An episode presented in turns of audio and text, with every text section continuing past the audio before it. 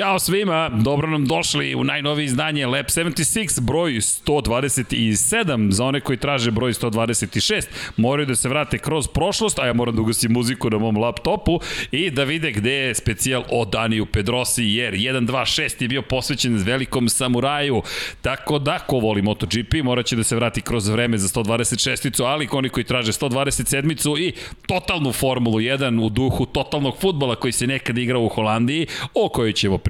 Danas imamo sve izveštaj sa trke, najavu trke, ko je potpisao za koga, ko gde ide ili ne ide, ko ostaje, šta se događa, zašto su se pobunili građani studija na kraju univerzuma i prete, ne prete, obaveštavaju 23.15 da napuštaju ove prostorije, tako da svašta se, evo, da, tako je, to je vinovnik tog pokreta 23.15, ali u, da, imamo 2 sata 15 minuta, pa Pavle Živković, naravno, da ovaj dragi prijatelj, gospodin, ne, to, ovo je gospodin Živković. on nije ništa rekao, ali poznajući ga, on uvek podržava ove kako bih rekao, protestantske metode i, i, i, i Pa, u stvari ti si disident, tako da očekujem da ostanem sam ovde, ali to je u redu, možda vam otkrijemo identitet Dom Pabla. Ali, šalu na stranu, gospodin Dejan Potkonjak je naravno tu i raspoloženje na visokom nivou. Obaveštavaćemo ćemo i ljubitelje futbola o tome šta se događa na futbolskim Ja sam bio ubeđen da sam došao na podcast o Casey Stoner, ali da, drugi put ću. E, au, ajde, wow, burn, burn. Možete mi Čekaj, da mi ne, ne, ne, ovo postaje okay. broj 128, da, Vanja, da, molim te. Da, da mi vas dvojica rećete nešto. Sutra ću da vas slušam pod uslovom da mi ispričate sutra priču šta se dešava sa Jorgeom Lorencom.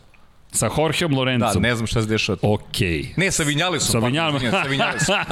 Čekaj, sa jednom je drugo, ma nije problem. Sa Vinjalesom, to me zanima strašno. Nije problem. Ok, tiltovo si nas obojicu sada. Tipo... Ili može priča o Vinjales sutra, ja slušat ću vas. Teki, Dobro, hvala. Kad nismo pričali o Vinjales. Hvala vam, divni ste. Svih ovih 10 emisija koje počinju na 1-2, pošto je njegov broj 12, su posvećeni Maveriku Vinjalesu i u to ime počinjemo eto od čoveka ko, za koga ljudi sad govore da navijam. Ali sve je okej. Okay. Vidio, davno nisam navio za nekog drugog osim Rosija ili Markeza, tako da eto male promene. Dobro. Odavno nije bilo Lorenza, Casey Stonera. Obećali Mada, ste mi nešto, samo da znam. Obećali smo. Vanja, samo promeni, ovo je Lab 76, broj 128 onda, jer 127 moramo da posvetimo Casey Stoneru. Hvala, deki. A to si sačekao emisija da počne da bi, da bi nas obavestio. Kažem vam, ovde pobune se dešavaju, ali Imperija će to da zavede, red će se zavesti. Vidjet ćemo, Obi-Wan Kenobi nam se ovde pojavio. U, kad je Obi-Wan Kenobi u pitanju, možeš da nam pustiš uh, ono lepu rotaciju? Znaš šta mi je poslao? Kaže, pošaljem Dekiju sinoć animaciju i kaže Deki Obi-Wan Kenobi. I rekao, okej, okay, evo ga Obi-Wan Kenobi, stigla je, to je stiže sledeće nedelje, ali ko želi može već da naruči majicu Leave me alone, I know what I'm doing. Lab 76 u čast Kimija, popularni Kimi specijal. Ja se nadam da vam se dopada ovaj rendering. A, a tada još nismo znali da odlazi u penziju. Tako je, a samo da se zna, manekin sam bio ja za ovu majicu, ovo je rađeno 3D, lidar je korišćena tehnologija i... A vidi se da su malo šira slova. Da. a da, kažem ti, vidi, totalno, totalna Formula 1, totalno sam fit, sve je u redu.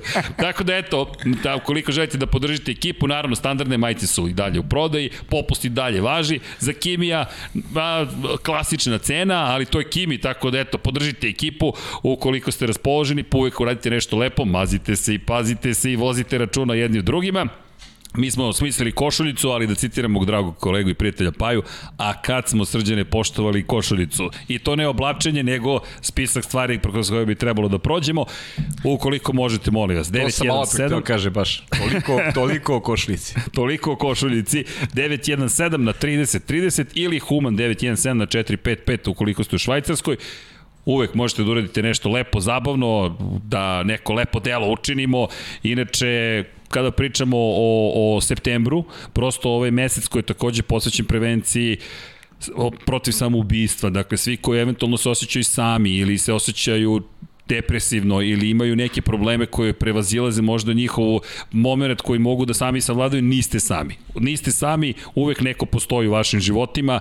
Dakle, mi smo u krajnjem slučaju tu, pa slušajte nas, čak i da smo najdosadniji, verujte nam, može da bude nešto novo što će vam se desiti i reći, ej, čekaj, ajmo da gledam Formula 1, ajmo da gledamo Moto Grand Prix. To su veoma ozbiljne stvari, mi ih ozbiljno shvatamo i zaista niste sami, tako da nadam se da, da ćemo iskoristiti septembar da radimo neke još i takođe još još veličanstvenije stvari iz te perspektive, da ćemo nekog možda uvući u taj svet, što kosmosa, što Lab 76, što 99 yardi, što pod kapicom, naš dragi prijatelj i kolega koji ima Ima, neću da najavljam šta će sve da radiš, ali pogledajte pod kapicom na YouTube-u i zaista se nadam da ćete uživati.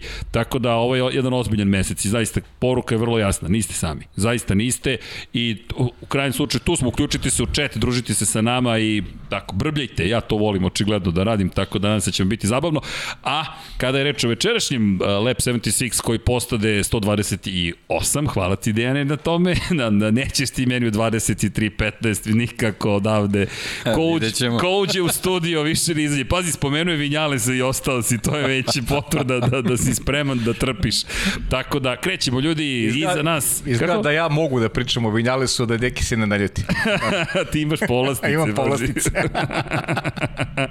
ali dobro, ali da nam obećaš, pa je da ćeš nam se pridružiti u jednom MotoGP. Pa hoću. Do kraja godine, doći, može. Do, hoću sigurno. Hoću. Znaš koji? Kad, Rossi se oprašta, tako, tako je, kad Rossi ode u penziju, da, da budeš tu. Hoću da mi krenemo sa Formulom 1. Nadam se šta da, ste... da naučimo od vas dvojice, tako da je, bit će mi to ja, ovako i lepa, i lepa lekcija hvala za mene. Hvala ti, I lepa lekcija za mene, da. Ma, vidi, mi zato pratimo 99 yardi, radimo na svom novinarsko, oh, komentatorsko, intervjuističkom, uh, jel te, dubini našeg rada, tako da, šalno na stranu, baš dugo radimo zajedno, ali ovo Vojvodo Serdare nas dovodi do do čega? Dovodi nas ne znam kako, ali do velike nagrade Holandije i velike nagrade broj 13 u 2021. godini.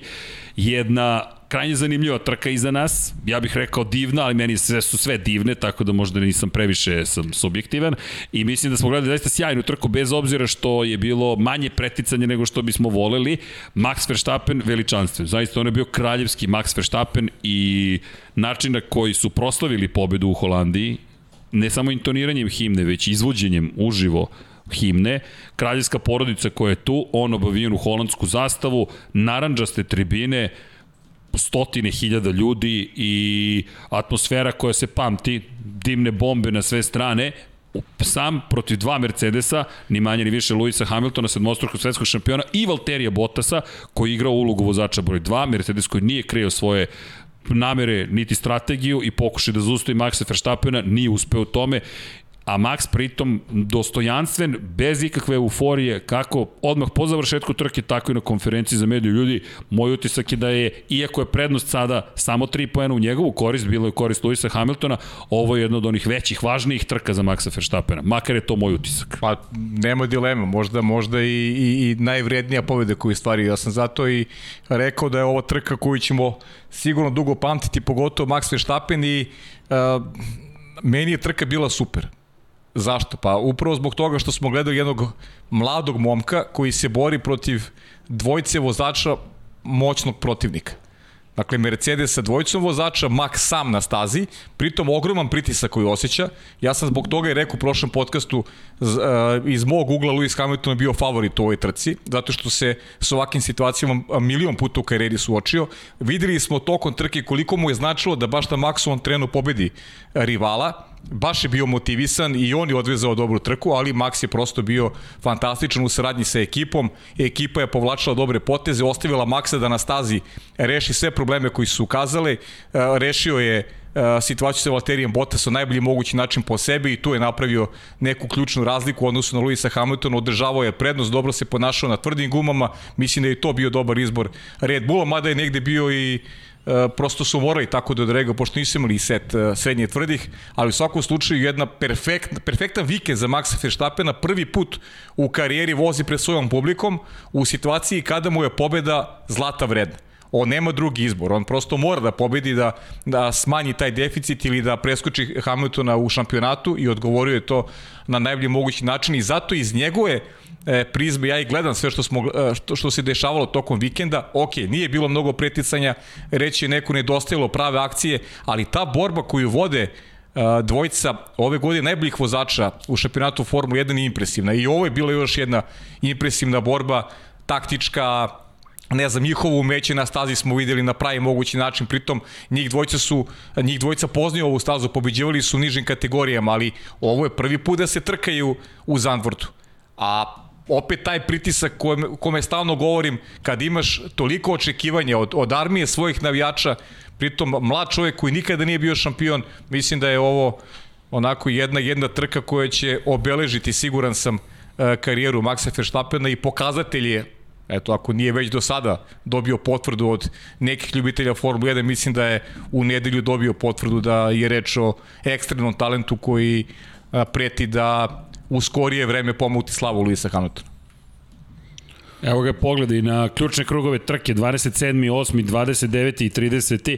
Hvala Momčilu Vukiću i standardno Vanji Milićeviću koji sedi za, pa, za upravljačem celog studija praktično. Max Verstappen 1.14.393, Lewis Hamilton 1.14.787, Valtteri Bottas 1.15.508, 28. pripada Lewisu Hamiltonu, zatim Hamilton 1.16.2 vozi, 1.15.222 za Maxa Verstappena i onda 1.16.362. Prvi krugovi na novim gumama za Hamiltona i zatim za Maxa Verstappena 1.14.526 umeđu vremenu i ta razlika od skoro dve sekunde nije bila dovoljna prosto Lewisu Hamiltonu. Jednostavno je preveliku prednost stekao Max Verstappen u prethodnim krugovima i samo je održao u momentu kada su išli na zamenu guma Mercedesu. Ovo je nekako više bih volio da možemo da, da pogledamo ponovo kako je pretekao Max, Max Verstappen, Valterija Bottasa, jedan od ključnih momenta, rekao bih, u šampionatu sveta. Vraćam se negde na Francusku, donekli i na Španiju. U Španiji smo mogli da vidimo kako je Mercedes obrnuo situaciju, ali od tog momenta, sa izuzetkom incidenata koji su se desili, što u Velikoj Britaniji, što u Mađarskoj, Red Bull i Max Verstappen i dalje drže najviši mogući tempo. Pa, Oni su na poziciji 1. A pre nego što Deki uzme reč, vratio bih se i na, i, i na ta dešavanja. Dakle, imali smo letnju pauzu posle posle ta dva incidenta u, u Silverstonu i, i, i na Hungaroringu. Max se posle toga vratio u najboljem mogućem izdanju. Belgija nismo im nije bila trke, ali su gledali smo kvalifikacije gde je osvojio pol poziciju, samim tim došao je do nekih vrednih poena uh, pred nastavak sezone, pred trku u Zandvortu, ovde je odvezao sjajnu trku, tako da uh, Počelo je onako kako je priželjkivao Red Bull, sad imaju bodunu prednosti, pričat ćemo kasnije, idemo naravno u Moncu gde nas očekuje poprište nove bitke, gde opet negde verujem da Mercedes ima šta da traži i da će možda i opet situacija da se okrene u korist nemačkog tima, ali o tom potom, ajde pričat ćemo. O tom potom, da. Pa ne, što se tiče ove trke, u, u principu sve si, sve si rekao koliko je važna i značajna bila uh, za Maxa, a na sve ono što si rekao samo bi dodao da on ove godine u ove sezone u principu pokazao da, da je stvarno vozač koji jako malo greši. On, on nema nekih, nekih uh, svojih ličnih posebnih kikseva na svim ovim trkama osim one one one greške na startu u Francuskoj koja kasnije nije jednostavno potrla se vožem tako da da nije nije ostavila nikakav ovaj e, specijalan utisak ja ne mogu da se setim neke druge e, velike Isto. greške tako da u principu eto ono, ono što je njemu potrebno u, u, u nastavku je samo eto malo malo više sreće vezano za, za, za te, te neke tehničke stvari, mislim pričat ćemo ovaj, i situacije vezano sa motorima i tako dalje i tako dalje, ali generalno on, on stvarno pokazuje da, da je čitao ove sezone u, u vrhunskoj formi i kad je kad sve zavisi samo do njega, tu, tu jednostavno nema nikakvih problema i Max očekuje maksimalno uvek, to je to. Je to. Pa da, to je bio jedan od predloga ma, naslova, Max maksimalno, nekako Total F1 nam se stvorio zato što je toliko stvari od nedelje do utorka jednom, da. izronilo koje da. smo jedva čekali, do kojih dolazimo upravo i još pride Monca, veličanstvena Monca u tom trelingu trka Belgija, Spa, Frankošam, Zandvoort, Holandija, Italija, Monca, da smo jedva čekali zapravo i ovaj utorak jer ovo je sada velika završnica, praktično najva velike treće trke gde ćemo imati sprint kvalifikacije. Međutim, šta je meni zanimljiva priča? Ako pogledamo, malo pre Vanja pustio zapravo i kadar, ima tu par stvari. Vanja, možemo bacimo pogled na strategije, zapravo da gledamo ko je kada menjao pneumatike, šta se tu događalo. Inače, ukoliko se pitate, onaj Ferrari tamo iza, hvala na prelepom poklonu, to se priprema za Moncu, naravno. Kasnije ćemo malo i da vozimo što Red Bull po Zandvordu, što Ferrari po Monci, ali ako bacimo pogled na strategiju, Verstappen, Hamilton, Hamilton prvi povlači potest, ono što smo videli, ne uspeva da pretekne Verstappena, ponovo povlači potez u 39. krugu. Vrlo zanimljivo je to ono što je rekao, kako je Hamilton ljut bio na ekipu i ponavljao zašto smo povukli potez, zašto smo povukli potez. Obratite pažnju, jedan i drugi, puna linija to govori, na žutim srednje tvrdim gumama, Max je samo odgovarao Lewisu Hamiltonu. Njegovo je bilo samo da poklopi ono što će povući kao potez Mercedes. S druge strane, Bottas je pokušao, nije izdržao na making gumama i čim ga Max Verstappen pretekao, tu se završila njihova bitka. I ono što je meni tu sada velika priča, Valtteri Bottas, Sergio Perez. Sergio Perez produžio ugovor sa Red Bullom, kao vozač broj 2 će biti i naredne godine, bio je katastrofalan, ne ne, vrati, vrati, vrati, bio je katastrofalan u kvalifikacijama, tek sa, na 16. poziciji, zamenili su motor, zamenili su i bateriju, četvrti motor je iskorišćen za Serhija Pereza i on sada do kraja sezone je relativno miran. Ali, njegova trka kompromitovana je ponovo na početku trke u njegovim lošim pokušajima protiv Nikite Mazepina, gde je uništio tvrde gume, pa prešao na srednje tvrde, do 47. bio na njima i onda na nove meke. Imao je sve moguće nove setove guma.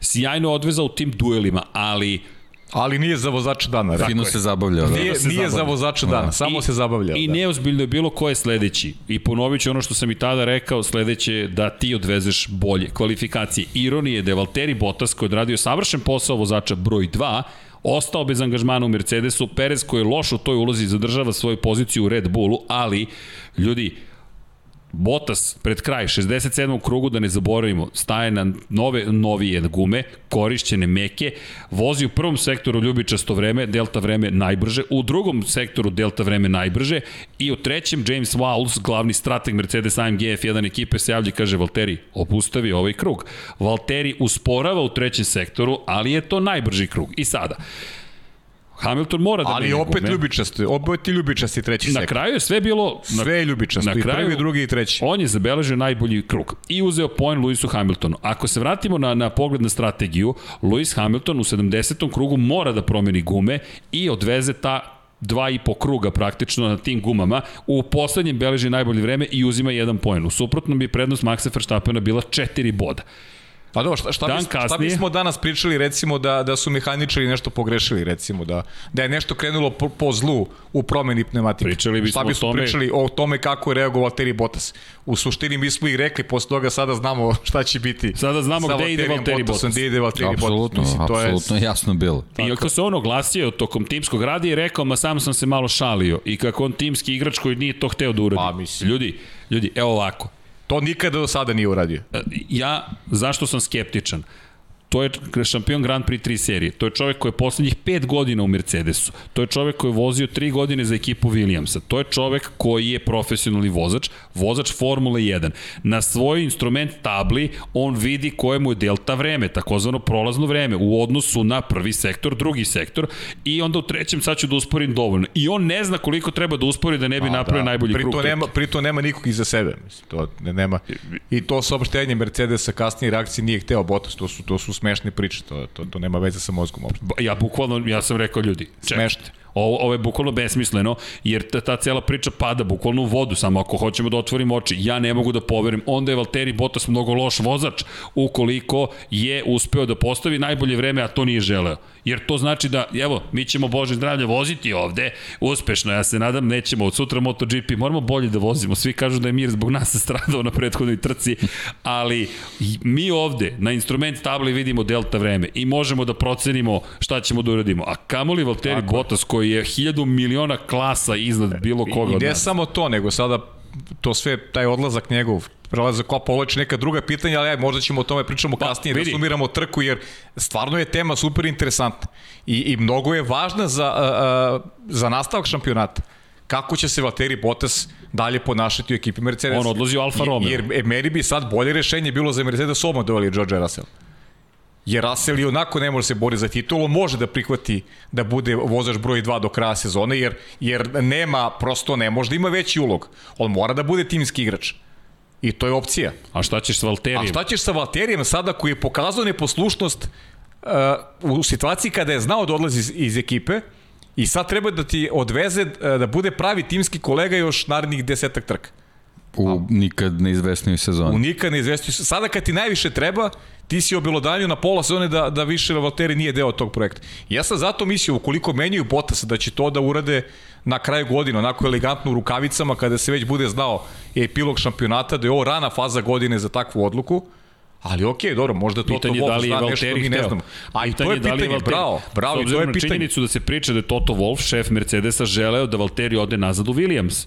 To jest da ostane deo potvrđene porodice Mercedesa, Williams koristi dalje Mercedesove motore, a Valtteri Bottas je potpisao sa Alfa Romeo. Ima i tu priča zanimljiva, iako se to negira sa svih strana da postoji bilo kakva veza sa Alfa Romeo i Mercedesom, jeste čudno, činjenica, ali mnogo se priča. Priča se tome, Pričat ćemo da. i o Niku De Vrisu i tako dalje, no, ako uzmemo obzir da Alfa gotovo sigurno nastavlja saradnju sa Ferrarijem, Valtteri je jasno stavio do znanja ovim potpisom, ja odoh u Ferrarijeve redove. Tako je. Ja odlazim u Ferrarijeve redove, a Mercedes, pošto više ne moram ni u Williamsu da budem, nema nikakav uticaj dalje na moju karijeru. Ja sam sada kod Frederika Vasera i bez obzira na lepe reči između Frederika Vasera, šefa Alfa Romeo i Tota Wolfa, kurtoazija profesionalna zagarantovana, Alfa Romeo se bije za sebe, bori za sebe i sledeće godine će biti potpuno nova sezona, novi šampionat, ko zna ko tu može da ispliva kao bolji tim, ne mora da bude najbolji tim, zašto ne Alfa Romeo? Da, razvoj novog automobila gde Bottas možda već ima uvid u neke nacrte vezane za Mercedes za sledeću godinu i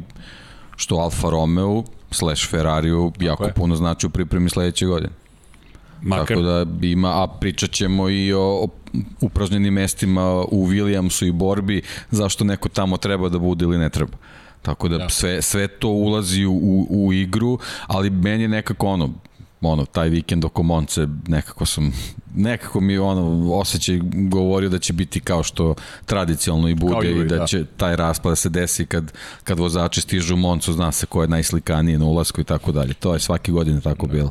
Ja, Jer jednostavno poslovno je jako teško da to ostaviš za kraj godine i da posebno pred sezonu gde stižu potpuno novi bolidi ti ostaviš nešto za mesec, dva pre početka zimskih testiranja. To je jako, jako nezgodno. Tako da sve ovo mi je pravo. nekako bila situacija, će to sve da se izdešava. Ali meni samo specifičnost mo momenta u kome se nalazi sezona Mercedes u odnosu na Red Bull, negde mi je, ja sam verovao prvo da će, da će pre svega Bottas ostane u Mercedesu.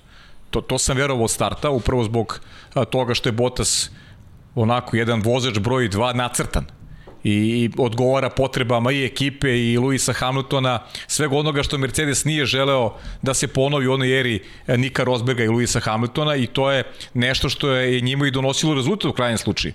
Oni su najbolji u konkurenciji konstruktora, Lewis Hamilton dominira kao, kao vozač i verovao sam negde da, da je to upravo neki, neki model kojim će Mercedes ići, ići i u narodnu godinu.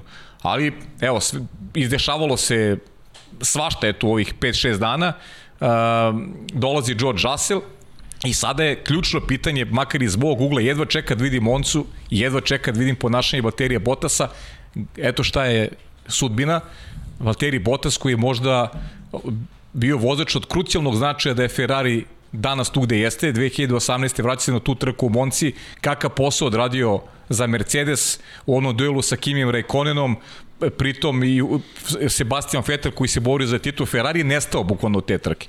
Valtteri Bottas je uh, bio glavni izvođač Mercedesovih radova u Monci 2018. godine. Sada prvi put dolazi u Moncu kao čovek koji zna da više neće biti deo Mercedesovog projekta. I pokazao je da I poka nije baš najposlušniji. I pokazuje da nije uopšte poslušan. Kako će reagovati? Ja jedva čekam da vidim Moncu. Strašno me zanima, ja znam da njih dvojice imaju generalno dobar odnos, eh, Hamilton i Bottas. I Hamilton se oprostio Bottas sa onako dirljivim reče, Hamilton zna da mu je Bottas potreban. Hamilton je toga svestan i videli smo onu poruku Luisa Hamiltona koja je onako vrlo lična i rekao je najbolji, je lična. najbolji, najbolji klubski kolega koga, koga ikad imao. imao. Tako je. Podsećanja radi, izvini, podsećanja radi. Klubski kolege Luisa Hamiltona su bili Fernando Alonso, Jenson Button, E, ko je bio 2008. godine Da li je, je li Heikki Kovalainen sa njim delio ja se ne garažu? Tačno. Ne mogu da se svetim ko je bio 2008. godine. Hajde sad ćemo da proverimo. I 2009. Da. pa Baton, dakle svetski šampion, jedan je da. Fernando Alonso, jedan od najboljih vozača svih vremena, drugi je svetski šampion Jenson Baton, zatim je otišao u Mercedes i pridružio se Niku Rosbergu koji je takođe bio šampion sveta u Formuli 1 i onda je došao Valtteri Bottas. Dakle, Valtteri Bottas je jedan od redkih koji nije bio svetski šampion. Ti pored Alonsa, Batona i Nika Rosberga kažeš ovo je najbolji klubski kolega koji sam, kojeg sam ja ikada imao. Ok, to ne znači najbolji vozač koji mi je bio klubski kolega, već najbolji klubski kolega koji sam imao. I jeste Valtteri odigrao veliki broj uloga. Setite se puštanje Hajki Kovalainen. Ok, služi me i dalje glava. Dakle, imamo i Hejke koji daleko toga da je loš vozač, ali nije se snašao prosto u McLarenu. Ali imamo drugu sada situaciju. Bottas poklanja pobedu u Rusiji. Bottas igra tu važnu ulogu u Monci. Bottas žrtvuje veliki broj svojih trka zarad uspeha što Hamiltona, što ekipe. George Russell, sada ključno pitanje, šta će George Russell tamo da radi? Da li ćemo vidjeti scenariju Charles Leclerc, Sebastian Vettel u Ferrariju, gde je Leclercu rečeno dolaziš, ali nećeš odmah biti prvi vozač, nego treba da pratiš, podržiš Sebastiana Vettela, ali to se vrlo brzo istopilo. E sad, tamo je razlika što je Leclerc imao ogromnu podršku iznutra. Jest. Mi ne znamo kakvu podršku ima George Russell, bez obzira na sve. Britanac je, super je brz, veoma je trenutno popularan, ali nije Lewis Hamilton. A znaš šta, je, šta još, još jedan moment? Ono čime se popuno slažem sa Dekijem, to je Deki rekao u prošlom podcastu. Imamo najvažniji moment iz pozicije Georgea Russella. Odlaziš iz ekipe koja je u usponu. E, Williams je u usponu i to pokazuju posljednje trke. I, zna, i napravići dobru priču Williams, ja sam siguran u to. E, dakle, ovde ideš, realno će biti u senci Luisa Hamiltona. Biće u senci Luisa Hamiltona i bit će mu teško da se izbori sa, sa takvim šampionom kakav je Luis. Ne znam, e, evo sad pokušam sebe da stavim poziciju George Russella. Radije bih ostao deo ovog Williamsovog projekta, nego što bih išao u ekipu gde me čeka Lewis Hamilton. Eto, to je, to je moje mišljenje.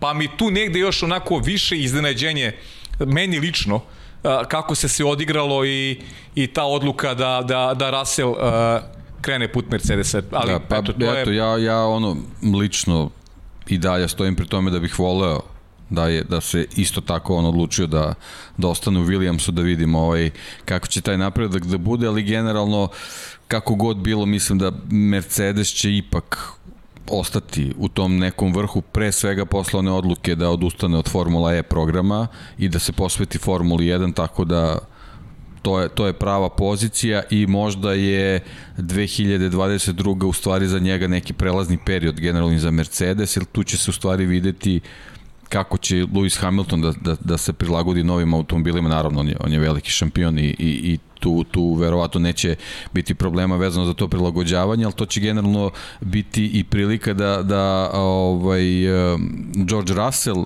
sam sagleda svoju situaciju i svoju vrednost u odnosu na najtrofejnijeg, najuspešnijeg vozača Formule 1 svih vremena. Iz, to, iz te perspektive to je onako stvarno veliki korak napred u njegovoj karijeri, ali eto, ja bih lično zaista voleo da, da se odlučio da, da, da ostane i da nastavi sa tim projektom zvani, zvani Williams i, i Jost Capito.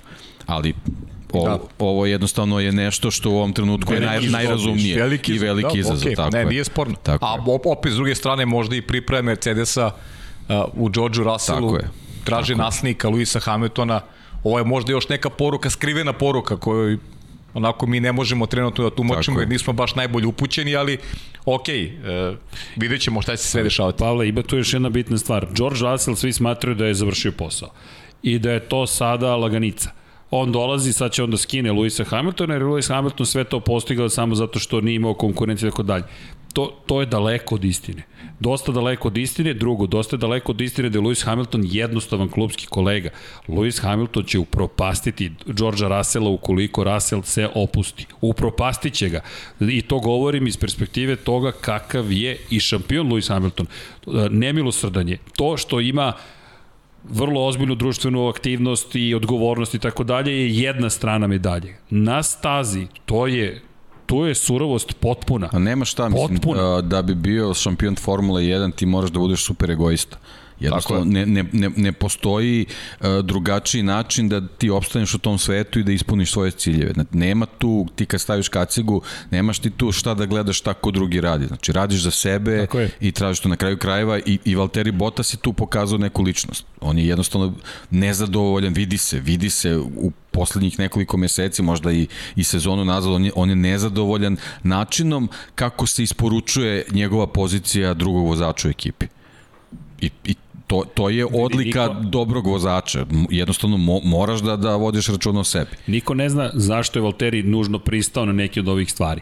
Ali čudno je da možda i on samo želeo da ima pobede određene, da učestvuje u stvaranju jedne vrste istorije, ali je nezahvalno e, kada pogledate i Netflix, bez obzira što je to dosta dobro montirano, ali taj pogled iza kulisa Drive to Survive, inače potvrđena je još jedna sezona Drive to Survive, tako da nastavlja Netflix da snima, i smatraju Formula 1 da su mnogo uticali na, na to da se popularizuju Formula 1 što u Sjedinjenim američkim državama, što među mlađim generacijama. Valtteri Bottas kao da nije dobio zadovoljenje, to jest kao da nije dobio nešto što da li mu je obećano ili je želeo, ali to nije dobio. E sad, čudan je način na koji on reaguje. Možda je manje impulsivan nego mili hladnokrvni, kako god, ali ono što je činjenica, Lewis Hamilton je jedan od najtežih protivnika, ako ne i najtežih koga možete imati. U, u karijeri Hamilton je pobeđen samo dva puta protiv svojih klubskih kolega duele gubio samo dva puta. 2011. protiv Jensona Batona, kada je Baton bio vice šampion, kada je stigao u McLaren, što je negde potvrda koliko je Baton ozbiljan vozač, i 2016. godine kada je Niko Rosberg osvojio titulu. Sve ostale klubske kolege, uključujući Fernanda Alonso, iako su imali isti broj poena, je Lewis Hamilton pobedio. I pritom, iza tog slatkog mladića, nasmejanog te, te 2007 leži čovek koji je surov prema klubskim kolegama i to, kažem, nije kritika, samo konstatacija. Vi kada pogledate, svaku igru znao da odigra već te sezone i nisam siguran da George Russella baš čeka, e sad će Russell to da dođe pa će on da objasni neke stvari Lewisu dobro, Hamiltonu. daleko to je, to- to- to je takva zabluda ozbiljna. Dobro, ali, Tako da, ali Bottas su vidi, svako kritika. Da, recimo poslednji, poslednji krug sad u Zandvortu Hamilton je pokazao kako možete pojede u sekundi sa onim, onim vremenom koje je Da. napravio. Pa da, pa Da, dobro. I nije- to je nije to, i to je, ali na, ono, mi imamo situaciju, Hamilton ima ugovor do kraja 2023. a, 2022. ni, ni George Russell ne sme da, da a, očekuje tako što će biti naoštren da tu odmah pokaže šta zna, šta ume, nego jednostavno to je period prilagođavanja i uklapanja u timsku igru Mercedesa, gde on, da se razumemo, već dugi niz godina. On je, on je test vozač Mercedesa već, ne znam, nija, Izvini. 2017. čini mi se. Evo ga i pogled na krugove. Verstappen 1.13.2, 1.12.5 i 1.11.097. Hamiltonov krug je kvalifikacioni krug de facto. Ovo su kvalifikacije, on je to rekao. Sjajan krug. Inače, samo bih se dotakao i te teme. Mislim da je veoma veoma značajan ishod ovogodišnjeg šampionata iz perspektive Georgea Russella. Ukoliko Hamilton osvoji osmu titulu, drugačija je situacija u odnosu na situaciju u kojoj dolazi bez te osvojene osme. I jedno i drugo i dobro i loše po George Russell. Ako ima osmu, pa možda juriš istoriju sa devetu, devet titula šampiona sveta Formula 1, to je van vremenski, ali ukoliko ne osvoji, da li onda ima mogućnost George Russell da kaže ok, možeš da pokušaš da se nametneš u krajnjem slučaju. To su možda detalje, ali su velike stvari u karijeri. Ali eto, George Russell potvrđen je tako da ide u Mercedes. Da, ima mnogo priča, ovo, Da, da. Znaš, ima mnogo priča, pogotovo sa, evo, tom promenom sada, možda je ovo i posljednja prilika za Luisa Hamiltona da osvoji tu osmu titulu. Možda. Znaš, ne, ne znam u kom će stanju, da, da li će Mercedes biti takav kakav je danas. Možda ja grešim, možda će Hamilton možda, izgubiti bitku protiv Russella. možda će McLaren biti bolji Mercedes naredne godine. Možda, će Ferrari biti bolji Mercedes naredne godine, mi to ne znamo. Ali o, ovo, ova godina sada je u tom nekom aspektu sportskom za Luisa Hamiltona, rekao bih, krucijalna. Jer ovo je najbolja moguća prilika da uđe u istoriju kao najbolji svih vremena po prvostvenih titula. Da dođe do te osme. A u Mercedesu stvari baš nisu e, kakve su bile prethodnih godina. Znaš, M Red Bull ni- brz, nisu, nisu M stabilni. M Max je Red Bull dobar, M ni- oni nisu stabilni kao ekipa i ima mnogo problema u sistemu i to smo videli, pa, pa Max je ove godine manje više dobio sve direktne duele sa Lewisom Hamiltonom. U stvari, redki su ti koje je dobio Španija. Lewis na stazi. Španija. Da. Tako je. Redki su ti dueli na stazi koje je dobio Lewis Hamilton. Max je dobio sve na stazi. Da li od Španije, izvini, samo jedna pobjeda Luisa Hamiltona. Nemoj to zaboraviti, Da. ljudi. Od Španije, dakle u prve četiri trke ove sezone, tri pobjede Mercedesa, tri pobjede Luisa Hamiltona konkretno. Jeste. Od tog momenta, sedmi, petnesti, drugi, drugi, četvrti, prvi, drugi, treći, drugi. Tako i onda Silverstone i, i Hungaroring uh, trke u kojima Max Verstappen nije završio. Da, gde, gde, gde su nije ga bilo vozači. Mercedesa praktično izbacili sa staze. Tako je, tako je. To je studijesi koji U su oba navrata, tako je. Tako je da. Ne, da, kada pričamo o te, te dve trke, da nije bilo tako in- velikih incidenata, Max Verstappen bi imao Šta pa? prilično veliku prednost. I drugačije bismo mi sada pričali o toj promeni i Bottas da. Russell. Možda ne bi se toliko ni, ni, ni ticala uh, trenutnoj situaciji na, na, na stazi u plasmanu, jer bi prednost bila prilično ubedljiva u korist Maxa uz, uz dva triumfa na otvaranju drugog dela sezone. Znamo da je u ovoj peri, ovom periodu dominacije Mercedesa uvijek je taj drugi deo sezone bio njihov. Oni su tada lomili u redkim situacijama kada su imali rivale, konkretno Ferrari. Ali znamo da je Luis uvek bio dominantan u drugoj fazi A, šampionata. a drugi deo sezone počinje pol pozicijom, pol pozicijom, pobedom, pobedom Maxa Verstappen. Tako je. I ako sad zabeleži isti rezultat u Monci, to je jedan od ključnih udaraca koji mogu da zadaju. Ima još puno da se Tu će vozi. biti interesantno jer Mercedes, Mercedes nije više to, toliko sporio od Red Bulla na pracima. Mislim da je Red Bull bio bolji na pracima u prvoj fazi sezone, sada više nije to slučaj. Ovo će biti pravi test e, i za, i za, i za Red Bull i za Mercedes, ali se slažem s tom, ukoliko Red Bull ovde pobedi opet Mercedes, pa onda se potpuno menja dinamika I- šampionata i svega onoga što smo smatrali pred, pred e, letnju pauzu. I to bi bilo drugi put ove godine da tri pobede za redom beleži Max Verstappen. A pobede se nižu, inače 17. pobeda za Maxa, postao je sada najuspešniji vozač svih vremena koji još uvijek nema titulu. Sterling Moss 16 pobjeda, nikada nije osvojio, nažalost neće ju nije osvojiti. Max je sada na toj nezavidnoj koti gde ima 17 pobjeda, ali nema titulu šampiona. Međutim, ide ubrzano kad to je konačno Max ove godine 7 pobjeda. 7 pobjeda ali, u 13 da, trka. možemo da postavimo stvari na drugačiji način ko je u godinama u kojima je trenutno Max Verstappen imao 17 pobjeda u karijeri. Može i tako. da. Re- Redki su. Retki su. No moram to da provjerim, to je, to je zanimljiv podatak. Moram ti pristati da ne znam na pamet, ali Sebastian Vettel verovatno i to bi bilo to, ja mislim. Pa. Ja mislim da on je jedini toliko mlad imao toliko pobjeda. Evo, Dom Pablo nije siguran, ali skoro da, Da, je da, siguran. da se proveriti, ali tu smo negde. Da. Proverit ćemo, proverit ćemo. Mal, malo vozača. Da, u svakom slučaju,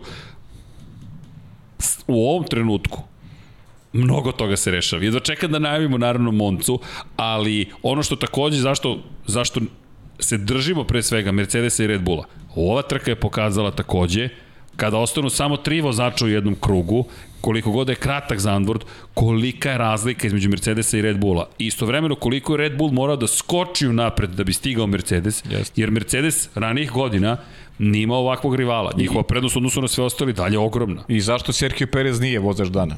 Mogu Ne može da da, govori vozač šta dana. god žele, ali upravo taj podatak da su trojica vozača u istom krugu u takvoj trci, da, mislim... Ma dobro, ovo je u- bilo užas- glasanje kod za pesmu Eurovizije. Tako je, u, užasno urađen posao. nema Pesmu, veze. pa, pesmu pa da. Centralne Amerike, ja bih rekao, ovo je Čim su Meksiko. Meksikanci videli da je tu, Verovatno. lepo su glasali. Njegovi sponzori su vezani za ovaj mrežu, verovatno je bilo ono 0 pezosa da, da glasate za, Nula pezosa, za, da. za Serhija i sve to. Telcel. Tako je, pa da. Ali dobro, dobro, Sergio imao puno, puno aktivnosti tu bilo. A možda i Telcel Evo. nešto namestio, pa, Da, da, da. pa je poslao Misliš? glasove sa svih pretplatničkih brojeva. Ovo je samo mišljenje gospodina Potkonjaka, Tako je. nema nikakve veze sa uređivačkom politikom. Da, Lepse. izvinjavam se Telcel ako ikad dođe u Srbiju, da. I pa već su tu. Pa dobro. Kroz eto. A1, zapravo. To Da. je deo, Carlos Slim je vlasnik svega toga.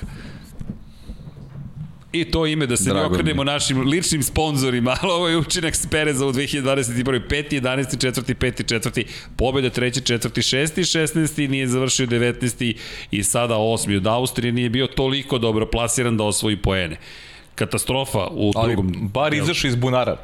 da, baš je ovako otišlo dole pa gore. Kao u bunaru Ali- da je bio, ali i, i uspio da Čekaj, ispliva. kada spomenjemo sponzore, tu nam je jedan od sponzora, došao je u crnoj majici sa znakom Ferrarija, da se zahvalimo ljudima koji nas podržavaju. Vanja, molim Hvala, te, pa naši hvala. pokrovitelji. Evo, ovo su naši, vi ste naši sponzori, tako da hvala. Mi možemo da kažemo manje više šta god želimo, naravno u skladu sa zakonima koji važe na ovim prostorima, ali u, promenili ste raspored, opa, počeli ste da miksate da ne mogu matricu da snimim. Dakle, pokrovitelji, ukoliko želite da nam budete pokrovitelj, patreon.com patreon kroz Infinity Lighthouse. Sava, Toni Ruščić, Mario Vidović, Ivan Toškov, prisutan, Stefan Dulić, Marko Bogovac, Ozren Prpić, Marko Mostarac, Nikola Grujičić, Aleksa Vučaj, Zoltan Mezej, Zoran Šalamun, Miloš Banduka, Laslo Boroš, Đorđe Radojević, Ivan Simonović, Mihajlo Krgović, Nenad Ivić, Nikola Božinović, Monika Erceg, Omer Kovačević, Filip Banovački, Miroslav Vučinić, Predrag Simić, Žorž, Stefan Vidić, Mlađan Antić, Jelena, Mladen Krstić i Marko Ćurčić, plus 11 tajnih pokrovitelja. Hvala ljudi, hvala svima. Ej, udrite like, čekajte, udrite like, to uvek dobro dođe, pa, ali molim vas, evo svi udrite. Ajde da pokušam da imamo više lajkova nego gledalaca. Da li je to moguće? Ne znam, ali da pokušamo da okrenemo kosmos naopačke. Ipak je ovo studio na kraju univerzuma, tako da ako možete udrite like, subscribe. Ej, bližimo se 10.000 subscribera, to je sad onako zabavno. Znam si skočimo na 10.000, čekam YouTube da pošalje email, čestitamo kreatore na fantastičnom uspehu, ali znate šta je uspeh? Uspeh je što ste vi tu, jedan da je gledalac tu, mi ćemo i dalje ovako da se ponašamo i da pričamo, ali nemojte da ostane jedan, neka, neka, sve u redu. Tako da veliki pozdrav od cijele ekipe koja je ovde, inače ovaj je spreman tamo u pozadini, Vanja me upozorava, spremili smo jedan Red Bull za Zandvort i jedan Ferrari za Moncu i imaćete duel večeras, uh, je li tako gospodine Potkonjače? Duel večeras, Erceg vs. Potkonjak. U MotoGP-u nije bilo duela, niko nije završio Ja ću, krug. ja ću da bude Michael Pa da Masi. Nemoj, Paju, molim te. Onda ću ja da te kontaktiram toku trke. E, Pa neću ti ja dati. O, pa onda nisi Pa masi. A, Pa ja sam, ja sam Ti replika. Ja sam replika. I tako. Ali, da, činjenica je da je pokazala ova trka koliko su daleko i Red Bull i Mercedes. Jesu, I, da, I sada kada razlika. pričamo o Monci, teško je reći neko će tu da se umeša iznenadi. Može samo ukoliko bude problema za ove vodeće timove, ukoliko Perez opet napravi nešto ovoga tipa. To je jedini način ali, ali, I ukoliko Valtteri Bottas bude rekao, ne čujem dobro. ne čujem, Ne čujem dobro. Ponovite mi, ne čujem dobro. neko te uplašio. neko te, obradovao si se. Da. Ali da, Valtteri Bottas zanimljiv protest i, i činjenica da je James Wowles morao da se uključi u, u komunikaciju. Samo pokazuje eskalaciju iza kulisa, Jedino još Toto Wolff je ostao, ali ovo je klasična korporativna komunikacija. Ne Toto Wolff, nego James Wowles. Zna se, vidi, ovo nije tvoj više radio inženjer. Ovo je James Wowles, ovo je glavni strateg ekipe, ali nije Toto, jer Toto neće da se pojavi u toj situaciji. Toto će da priča sa Michaelom Masijem. I to je kao u politici, zna se ko je na kom nivou i ko sa kime komunicira. I ne bi ni trebalo. I sad bi- dobio se neko od pitanja da li je Toto Wolff u nedelju uveče kritikovao Bottasa. Pa, rekao bih da jeste, ali Bottas je već potpisao za nekog drugog u petak, navodno. Inače, Georgeu Russellu su masovno čestitali u četvrtak i petak. Christian Horner prekinuo jedan intervju da mu kaže, ej, čestite na potpisu. Ne, ne, ne znamo o čemu pričaš. Znamo mi, nemoj ništa da brineš. A što kaže Paja, čim je Valtteri postavio najbrži krug, bilo je jasno koliko je sati. Pa odmah, to smo prvo rekli. Alfa Romeo Calling, Pa da. ali kada spominjemo Alfu, da pohvalimo čoveka koji je četvrti prošao kroz cilj koga nismo ni videli, možda smo se ogrešili, ne spomenu smo Pjera Pa Gaslija nismo tokom se trke. Ne, tokom trke jesmo. Ali- Ali, Konstovali smo da je uradio sjajan posao. To, Ali to, Pajo. On je jedan od pobednika ovog, ovog vikenda. Jeste. To, to nema Jeste. dileme uopšte. I kada spominješ pobednik, ko je juče proslavio godišnicu svoje prve i za sada jedine pobede i onaj čuveni kadar kako sedi na, na pobedničkom postolju i razmišlja šta, sam, šta smo mi upravo uradili i izgovorio, to Vanja, kakav si ti car. Evo ga taj moment poliven šampanjcem, tu je inženjer, a tu je verovatno, ne znam ko je bio od, iz Alfa Taurija gore, gleda ga Lance Stroll i razmišlja, hm, možda sam ja mogao da sedim ovde, ali... Pa tre, ali, trebao je da sedi tu, da, je, je. da ima tog dara Bio koji ima ispred. Pierre Gasly, da. Bio je ispred, Prosto, ali... e, tu, tu je recimo se videla razlika u kvalitetu vozača. Upravo Pierre Gasly, pa Pierre Gasly. odličan.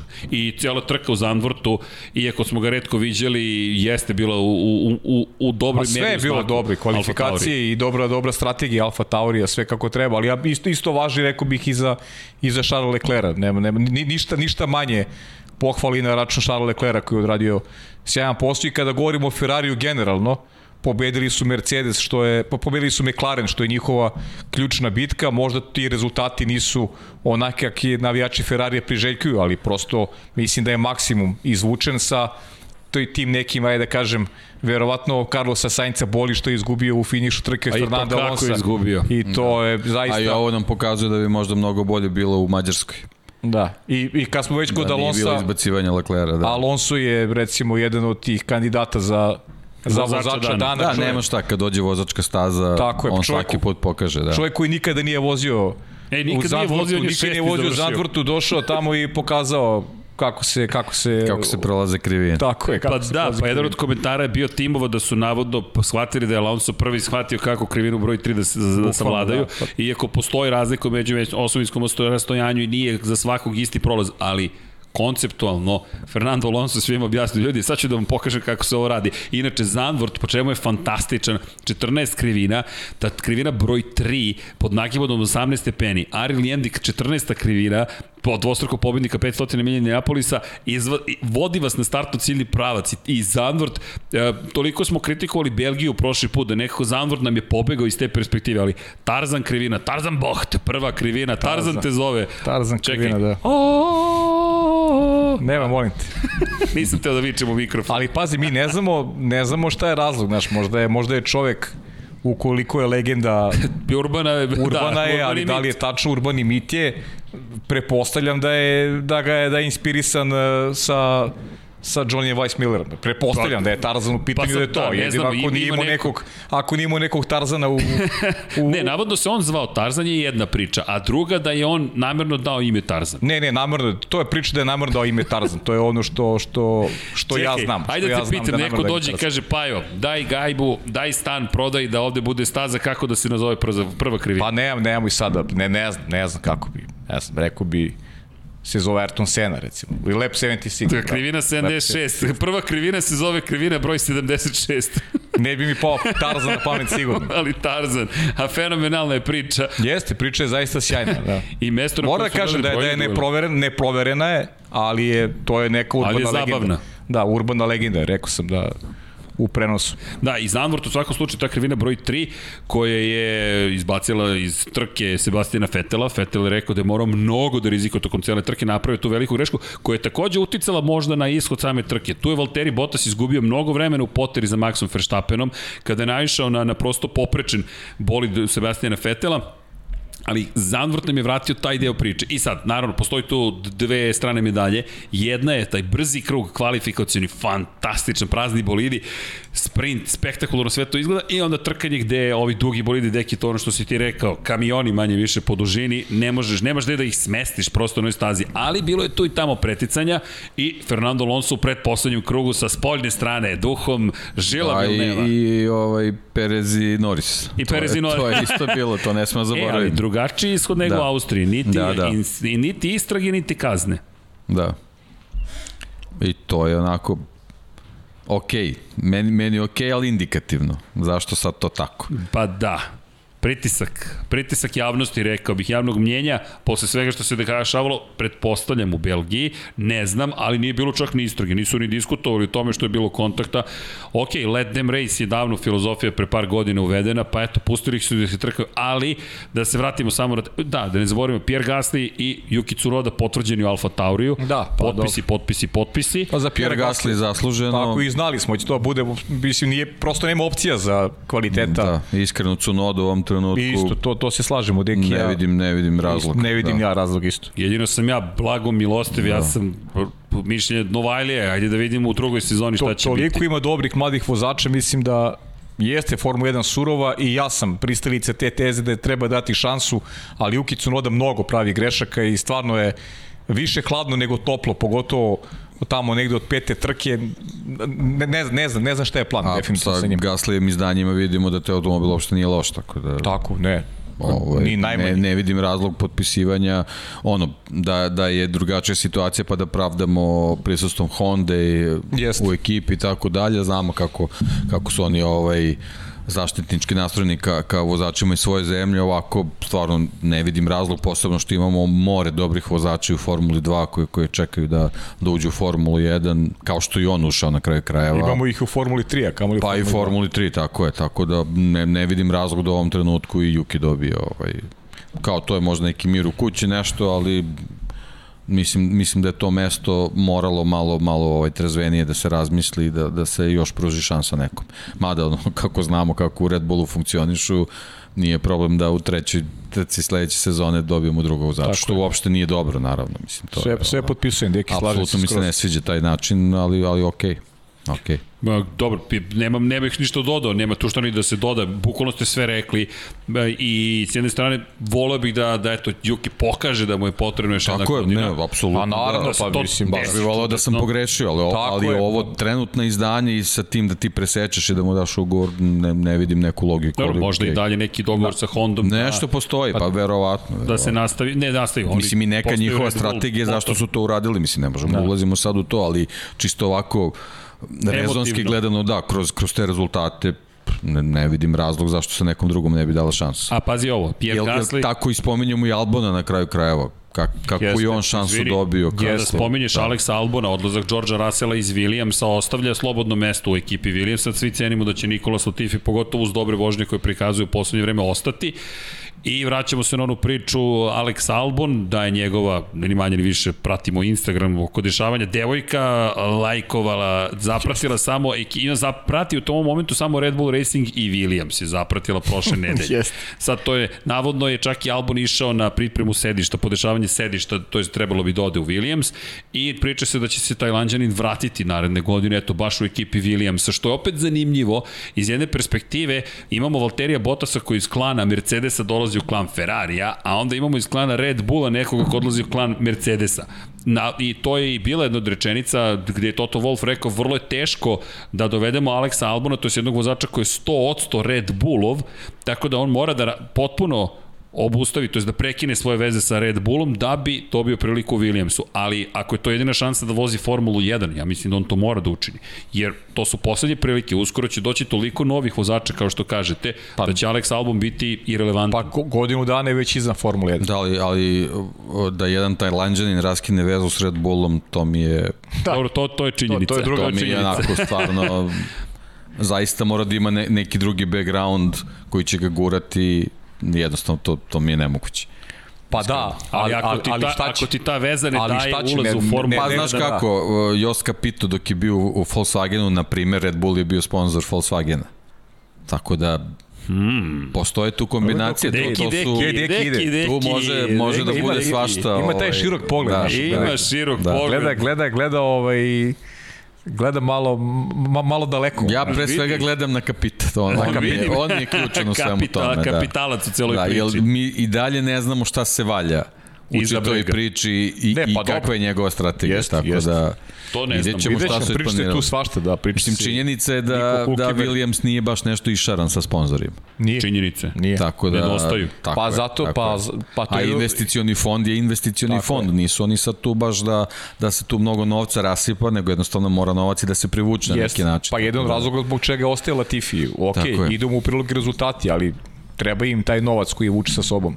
Ovaj, Latifi. o, o priča recimo isto vezana za Nika De Vrisa kao šampiona Formule E iskreno da neko sa tom titulom dobije nagradu da se nađe u Formuli 1, to mi je malo onako baš, baš prevelika nagrada, to je onako... Jeste, slažem se. Niko skoro nije takvu nagradu dobio, ovaj, tako da između iskusnog vozača koji je već bio u Formuli 1 i neko ko se tu nalazi zato što je dobro nastupao u nekom šampionatu koji je diametralno suprotan na Formula 1 to baš nije, nije ne, ne pije baš toliko vodu, ali Dobro, možda Mercedes ali, ali, hoće da unovči ovu popularnost u Holandiji. Ja, Vanja, nema Ne, ne, sve okej. Okay. Pazi, meni, ali... meni je tu neka dobra igra, jer ti imaš uh, Maxa Verstappena u Red Bullu, gde možeš sada pariraš sa drugim holandjaninom u, u svojim redovima, tako da to je jako zanimljivo.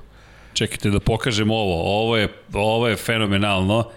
Dakle, ovo je direktno sa velike nagrade Holandije. Andrej Isaković, car legenda, pozdrav za Andreja Isakovića, fotografer i ovo je fenomenalno vidjeti, a imamo još nešto što, pošto četvorka je prebačena, četvrti ulaz je prebačen na Sony, inače na Sony je bio Tekken 7 pred početak, pa je Deki krenuo agresivno, prvo E, kad Web uzimaš- 76 127, pa onda odlazi u 23.15, pa, Evo, samo pa ti sad kažem- kapito. Naš momčilo Vukić odmah, uh, ona priča vezana za Maksa, Max ima 17 pobjeda do 24. rođendana i ima priliku da ostvari još dve, a Vettel imao 16. Svi ostali su daleko ispod. Eto. Dakle, Ma- Max je rekorder već po, Pa to je to. U tom pogledu, I da. tu je samo Sebastian Vettel, dakle, ali ovo, ovo nam je takođe poklon, tako da je stigao u studio, oni koji navijaju za... Skinut su Daniela Ricarda. Da, Da. Ili jeste? Nije. Nije, ne, rekao, čekaj, če, čekaj, Treba si kažeš jeste, dek. čekaj, daj onda, a potpisat ćemo mi to, ne, ne, a tako da ako je devojke neke slušaju, ceni da je popularni, ali popularni inače. Vizin oranje, tako da, eto, to, to se prodavalo, inače, kažu u velikim količinama. Da. Pa šta kažeš? Supermanov plašt, Maksa. Da. Supermanov plašt. Ma od desetine hiljade je prodato stvarno onako, ono, videli smo kakve su tribine bile, stvarno bilo fenomenalno.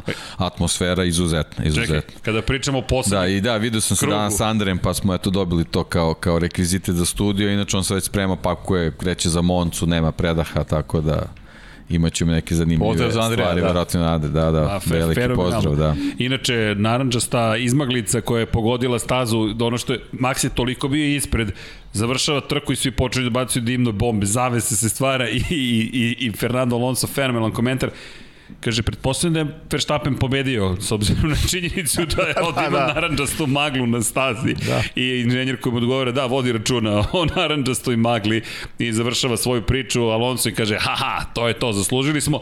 I zanimljiv komentar, sve naše poene mi smo osvojili na stazi.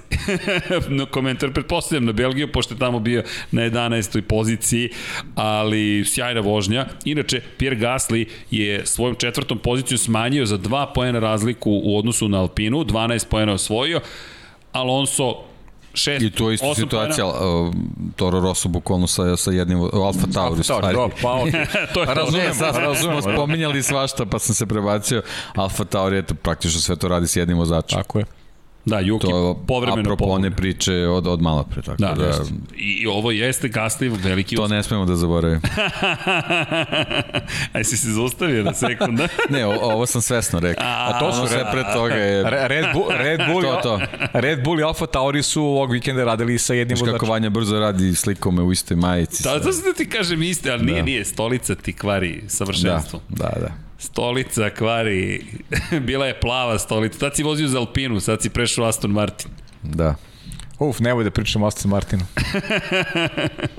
Doći ćemo, ja imam zelene boje, Doći ćemo- ali... Da, Doći biće, ćemo biće i kratko, naranđasta biće kratko, doći ćemo i do tragičara. Ovaj. biće kratko. Pa hoćeš odmah, Aston Martin 12 Pa mislim, 13. mislim na Fetel, ovo je zaista Posle svih jedno, pohvala, da. jedno od najslabijih izdanja njegovih, ako ne i najslabije. Čak ne mogu, ne mogu da ga poredim čak ni s onim s početka sezone. Da, baš, je loše baš bilo. katastrofa. Baš je, baš je loše bilo. 12. 13. mesto bez poena. A dobro, ono gašanje motora, ko znam šta se tu sve izdešavalo sa, sa tehničke strane vezano za Aston Martin, tako da... ali Alpina i Alfa Tauri polako beže, a da. Da. Williams, ih, Williams, se, se, Williams se koliko toliko približio. Ima tu još šansi čak i za Williams. Tako da moraju, moraju pod hitno nešto da promene. Odavno nisu došli Mnogo da lutanja, imaju- mnogo lutanja. Da. Jeste. Da. I poslednji put kada su imali dva vozača u, među svačima poena bilo je u Francuskoj. U stvari najveće razočaranje vikenda je McLaren u suštini. Da, To a Ferrari stvari- veliku pobedu odneo u šampionatu Pa jeste, kažem ti, Ferrari samo, eto, imali smo i taj probleme tehnički za Carlosa Sainca takođe. On se generalno i žalio na, na, na, na, agre, na agregat i na, i na, i na prijanjanje. Mu je problem generalno tokom čitavog vikenda. A, izgubio poziciju od Alonso, ali Ferrari izvukao, rekao bih, maksimum i pobedio McLaren. Oba vozača su bila bolje pasirana McLarena, to je neki, bio neki cilj, verujem ekipe i u tome su uspeli. McLaren, očean vikend. Evo ga pogled. McLaren protiv Ferrarija. Pogledajte crvenu liniju. U Baku je Ferrari bio ispred McLarena, izjednačio se na Hungaroringu i sada je prvi put ozbiljniju prednost stekao u celoj sezoni, 11,5 poena. Ferrari neumoljiv. Možemo zaista da ih pohvalimo, iako McLaren neprekidno izgleda mnogo bolje, pre svega Lando Norris. Lando Norris koji je osvojio pa, jedan jedini poen desetom pozicijom. To, to jeste problem McLarena, što malo pre si rekao Carlos Sa, e, e, Pierre Gasly jedan vozač koji gura.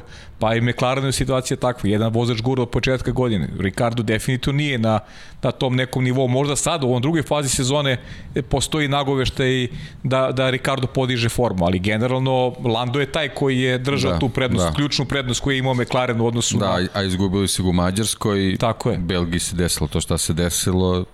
Ovo, tako da Jeste. Upravo je to ta razlika. Pa i, i ono što Da. ste vas dvojica pričali, ja, ja sam više bio skeptičan, priznajem, vezano za Carlosa Sainca, pokazalo se da je Ferrari napravio u ovom trenutku dobar izbor. On, ne mogu da se bore za titul, ali dva vozača koji imaju neki kontinuitet u rezultatima i mala je i razlika između Leclera i Sainca. Da pritom ne Dva i po poena. A pritom ne, redko kad je a, velika u nekoj trci ili iz jednog ili iz drugog. Tu su li negde po rezultatima vrlo, vrlo ovako, da kažem, izjednačeni i, i to je nešto što Ferrariju u ovom trenutku daje prednost, mada eto, ostaću dosledan.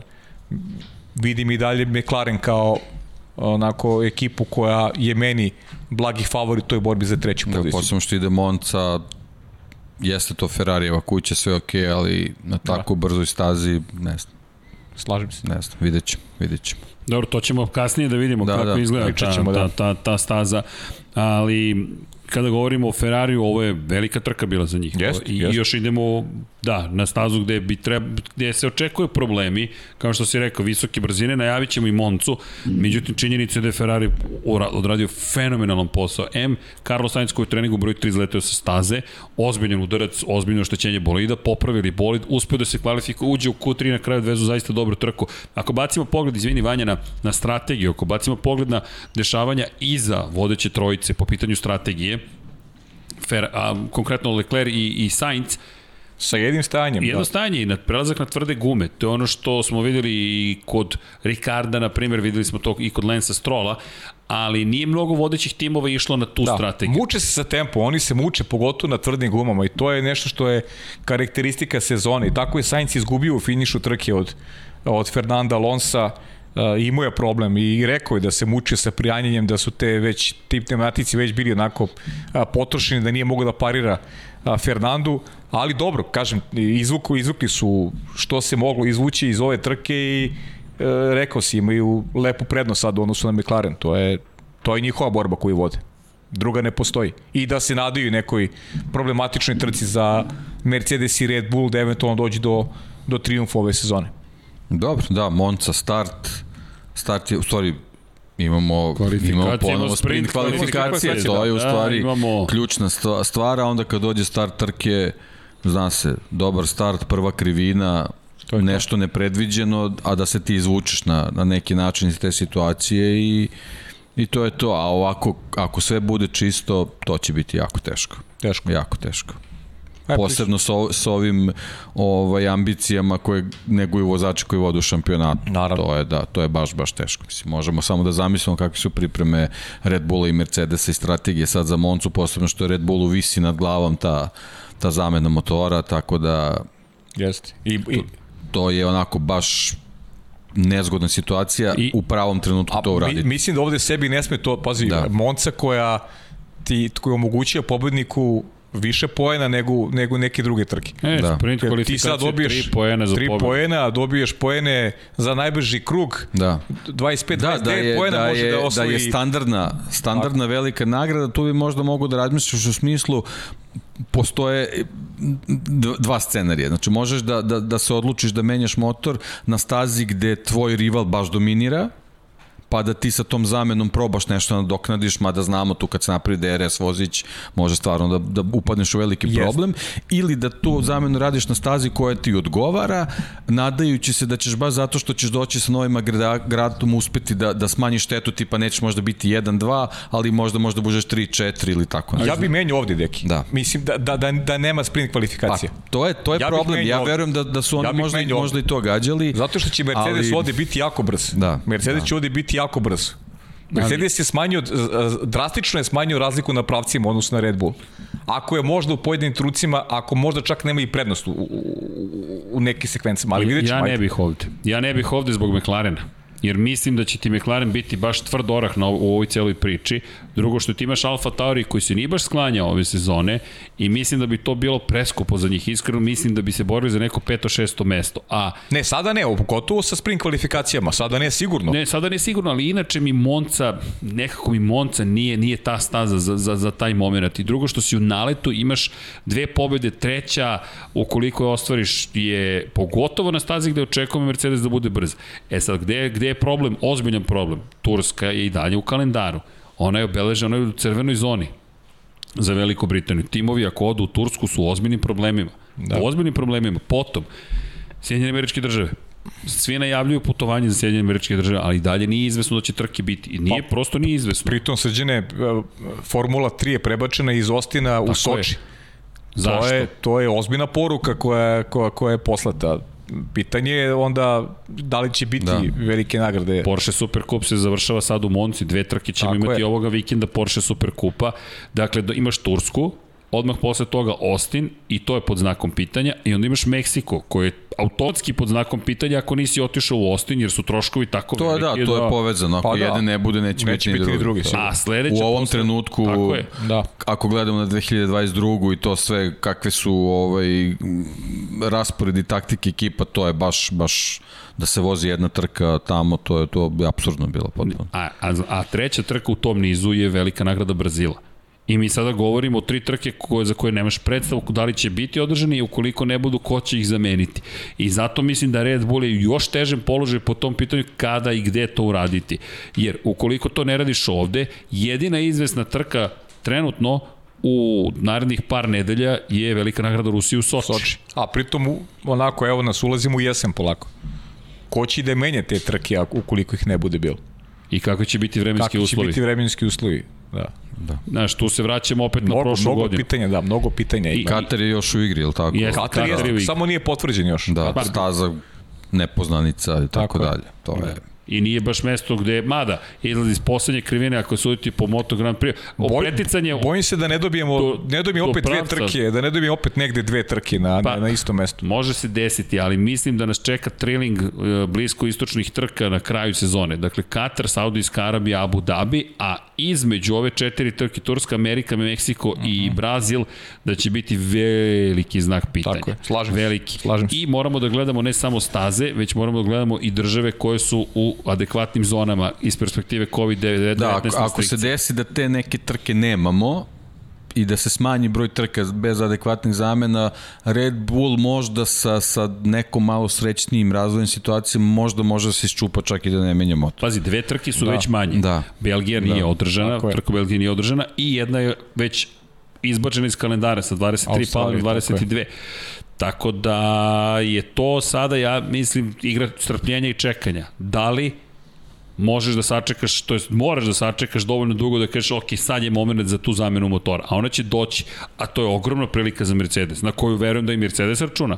Pa sigurno. Mada dobro, oni su se sad malo pušili u, Jesu, u, tako u Holandiji, da, svi su na trećem agregatu. Tako, tako i oni da, koriste treći da, agregat. Da, da, da, da, da. Svi su, svi, da, svi, su, svi, svi da. vozači su na, na trećim, yes. trećim agregatima, tako da ovaj, sad je samo pitanje kakav je život, kakvo je stanje. Mislim, ovaj, generalno nisu imali neke teže ude se ostali, tako da ovaj, tu je, ne znam, Lando verovatno, možda zbog Belgije i ne znam ko, ko bi tu još mogao pa, da...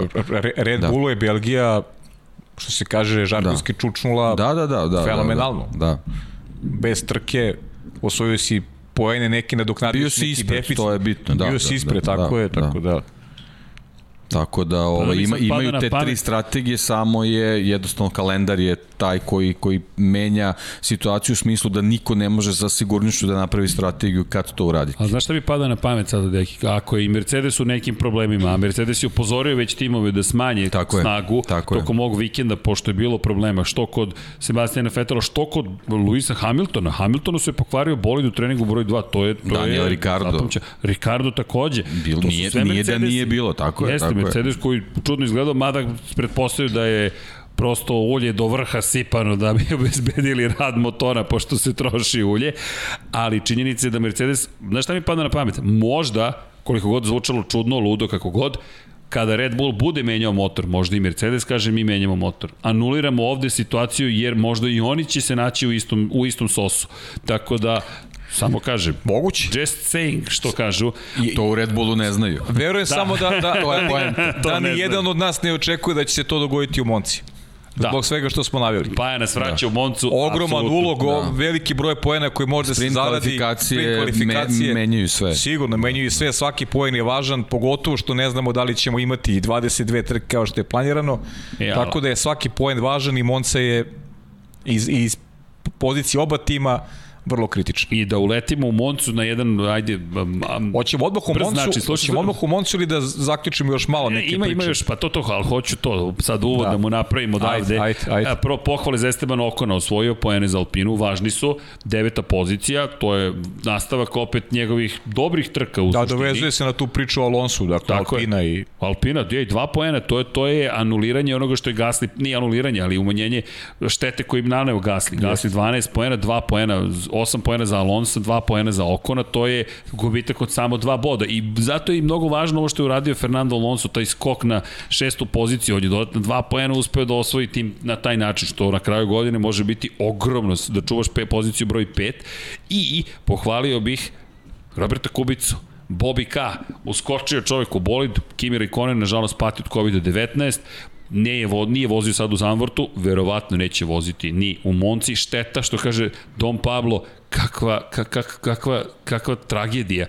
Čovek koji je poslednji šampion Ferrarija i odlazi na Ferrarijevu stazu i publika neće imati priliku da ga pozdravi. Njegova poslednja trka zapravo u Monci je održana 2020. godine. Imao bi veću podršku od Leclerca i Sainca.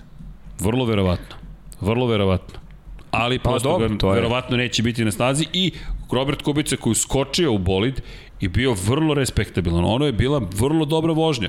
Ti pogledaš Kubicu koji ljudi od 1. decembra 2019. nije vozio trku Formula 1. Ali u formi, vozio 24 sata Le Mana, Da, jeste. to je ozbiljan trening bio, tako Jeste. da dobar, dobar je izbor da on bude taj, da, da, da se pojavi tu i, i, i ono, skidam kapu stvarno. Jeste, i generalno za- Znajući njegove probleme sa, sa, sa rukom zbog, zbog te teške povrede, svaka Da. da. čast, zaista. I pritom ono, ono što, što opet valja istaći, a govorili smo o tome i kvalifikaciji, ja sam očekivao trku sa makar jednim sigurnosnim vozilom i nismo imali bukvalno Da, da. jedan incident. da, da, da, to je da. zaista neverovatno, s obzirom šta sve dešavali u ovim pratećim a, serijama i u kvalifikacijama, u treningu, u treninzima Formule 1, trka bez jednog jedinog incidenta. Imali smo tu probleme zbog kojih su dva vozača odustala, sve ostalo... Praktično ništa negativno, Pa od ništa se, da, od ne, ne, svega, da, svega. sve je od bilo- Michaela Masija, Da. da. sve je bilo super. Sve je bilo, nije ga bilo? Pa nije ga bilo, Pa normalno, to, pa da, da. Zato jeste pozitiva, čim ga nema. Da, ali Niko jeste- ga nije zvao. Ali jeste fenomenalna bila atmosfera, stadionska groznica, e, ali čime se isto hvale holandjeri, to ono je meni što je bilo fenomenalno. Samo 5% ljudi će doći s, s motornim vozilom, svi ostali ili na biciklu ili masovnim Da, prevozom. bila je uvedena, to mi je Andrej rekao, bila je uvedena uh, linija gradske železnice, bukvalno Amsterdam Zandvorc, bez, bez međustanica. Da, Uđeš Da, u Amsterdamu, ekspres. izađeš u Zandvorcu. Popularni da, da, ekspres. Da. Ali, Ali to velika Ali groznica. kaže, svi su bili pozitivni, Da. da. razdragani, fenomenalna atmosfera bila. Kao stvarno, Velika zaista, formula, zaista. Formula 1 groznica ogleda se i kroz činjenicu da Essen želi da bude domaćin od 2023. da Holandija želi da ima dve trke u šampionatu sad. Naravno, kako Jao, to ubasti u kalendar. staza. Ali, ali opet, mislim, Znam, znam. nebitna je staza ko staze, već ta koliko holandjani Tamo će za Devrisa da navije. Da. da, za, za Devrisa, za Devrisa. da podele Holandiju, to hoće da uradi. Šta je, šta je uradio Max Verstappen? e, Koliko je, mislim da je Formula 1 popularnija sada u futbalu u Holandiji. Pa pazi, ozbiljna je groznica, ozbiljna je groznica. Ali nemoj da nam otimaš Asen, inače. Asen. Nemoj Asen, da nam da, Asen, otimaš da, da, Asen, Asen, te. Asen je u Nemačkoj, da, Asen, Nemoj Asen. Asen da nam otimaš, Asen, molim te. Asen. MotoGP-evci su alergični, zašto? Plaše se da će zapravo Formula 1 uništiti stazu, ali tamo je problem za tako velike bolide. Ljudi, ako je ovde bilo teško preticati, u Asenu toga nema.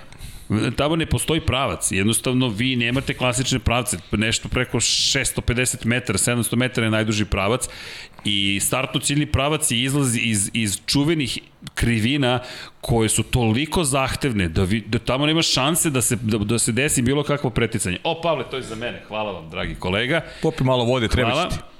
Pa, obskrbljavaju me ovde, imam rezerve, imam, a, ne, imam rezervor za ulje i rezervor za gorivo. Sve postoji. U svakom slučaju, ja, kada govorimo o Asenu, nemoguća misija, možda žele dve trke tamo, ali činjenica je da je zaista teško da zamislim Formulu 1 do 5,5 metara kako se tamo trka. Ja deki ne znam kako će da skrenu. Dobro, ove sledeće godine su malo, Malo manje. malo, malo, da, malo kraće. pa zbog da, da. toga. Da, na 5.30. ali dobro. Tako da Asen, ne znam, lepo bi bilo da idemo u Holandiju, ali teško je na tu stazu. No, prelepa atmosfera, zaista fenomenalno i meni je bilo divno to što zapravo se zaista trude da a, pogled na voz koji parkira tik pored staze i da ti iz centra Amsterdama stigneš direktno na stazu za tili čas. Kaže, mnogo ljudi biciklima dolazi. Pa da, Stvarno da, je da. stalno bilo fenomenalno. Pa da, to, zaista. to isto i u Asenu kada na trku i onda gledaš kako dolazi bicikl, motocikl, peške, to je peške koje je tu u blizini i onda ono čuveno kada se završe svi su po lokalnim pubovima pokraj puta i to je jedna divna atmosfera i ono što je meni bilo fascinantno, vozimo se, ograničenje je 120. Svi voze 120 vozio ti Bentley, vozio, vozio C klasu, E Vozili klasu, su 30, 32 su vozili na plus. 30, pa dobro, malo, možda 33, da, 32, 30, pošto kad staviš na 33. 3 već... Ej, to nismo spomenuli, a treba. Dakle, moment u kojem se praktično MotoGP Formula 1 spajaju. Valentino Rossi, broj 46 čuveni, je u Tavulji svoj dobio pre 15 godina, kada je osvojio, čini mi se, sedmu titulu šampiona sveta, da je ograničenje brzine 46 km na čas i to je čuveni znak. Inače, taj znak masovno kradu iz Tavulje i ne mogu da ga proizvedu u dovoljno velikim količinama. Stave ga na ulaz u Tavulju i ujutro ga nema. I malo manje više svaki dan menjaju taj znak sa brojem 46.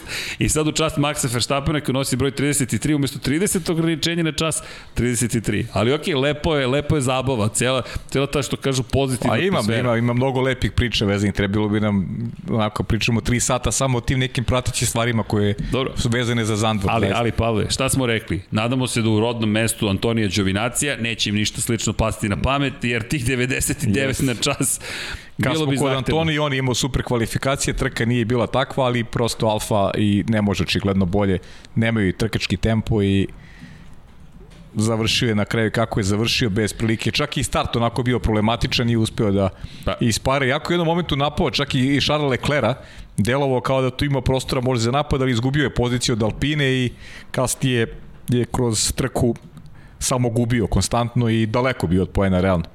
Alfa očigledno u trci u kojoj 90% vozača završi isto ne, ne može se nada poenima i to je neki standard ove sezone. Da, ali fascinantno je koliko je brz bio u kvalifikacijama. Zaista, Jeste. zaista, A mislim da je to ono iskustvo o kome smo pričali. Antonio Đevinaci jedan od četvorice vozača na, na, na gridu koji je pobeđivao na ovoj stazi u pratećim kategorijama. Uz Maxa Verstappena, Valterija Bottasa i Luisa Hamiltona. Priznaćete, zaista probrano društvo. Tako da je Đovinac imao tu vrstu iskustva da je, da je znao i da, kako, zna kako se pobeđuje na toj stazi. I očigledno mu kvalifikacija mu je to iskustvo sa staze pomoglo, da nekako mu je legla staza, ali jednostavno Alfa nema tempo i to je to, rezultat je takav kakav jeste. Neke Jedan posljednje, krug je jedno, cela trka je nešto tako sasvim je, drugačije. posljednje informacije govore da Antonio gotovo izvesno neće biti u Alfi naredne godine. Pa da, priča se da čak je, evo, spomenje se Nikita Mazepin, zašto? Pa, navodno će Mazepin da uzme broj 99, danas je, to pošto opet na društvenim mrežama, opet čitanje između redova, 99 jeste broj zapravo Antonio Đovinaci, ali 99. godine rođen Nikita Mazepin, pa eto, kao, to je neka veza, sad ne znamo. Ali je Čekamo, možda, Čekamo. možda Monca, možda saznamo o Monci, što kaže Čekamo. Deki. Rešimo i sve ostale nepoznanice kada su u pitanju postave za narodnu godinu. Da, uključujući Nikitu Mazepina. Da, dobro, generalno nema, nema mnogo nepoznanica. Nema mnogo Williams sada, nam je u stvari ključan. To, je da, Williams. To, da. Haas, vozač, to Mazepin, jeste, nije. Da. Mick Znamo Schumacher je Mick- sigurno Mick tamo. je siguran tamo, da. Zapravo, I čekamo zapravo, za Alfa. čekaj, za Alfu, da čujemo ko će biti drugi Alfi, možda tu se desi neki Pa dobro, Da, da, da, da, čekamo Alfu, da, Alfu čekamo. Iako pa dobro, je Binotto to su- rekao, Mati Binotto, šef Ferrarija, da očekuje da smatra da Mick Schumacher treba da ostane u Hasu. Prosto to je, Pa da, to je, to je Podrška još- zapravo. Da, to je po, informacija još od prošlog vikenda. da, to je ogromna podrška Hasu, s obzirom činjenicu da Mick Schumacher i dalje ima veliku podršku sponzora.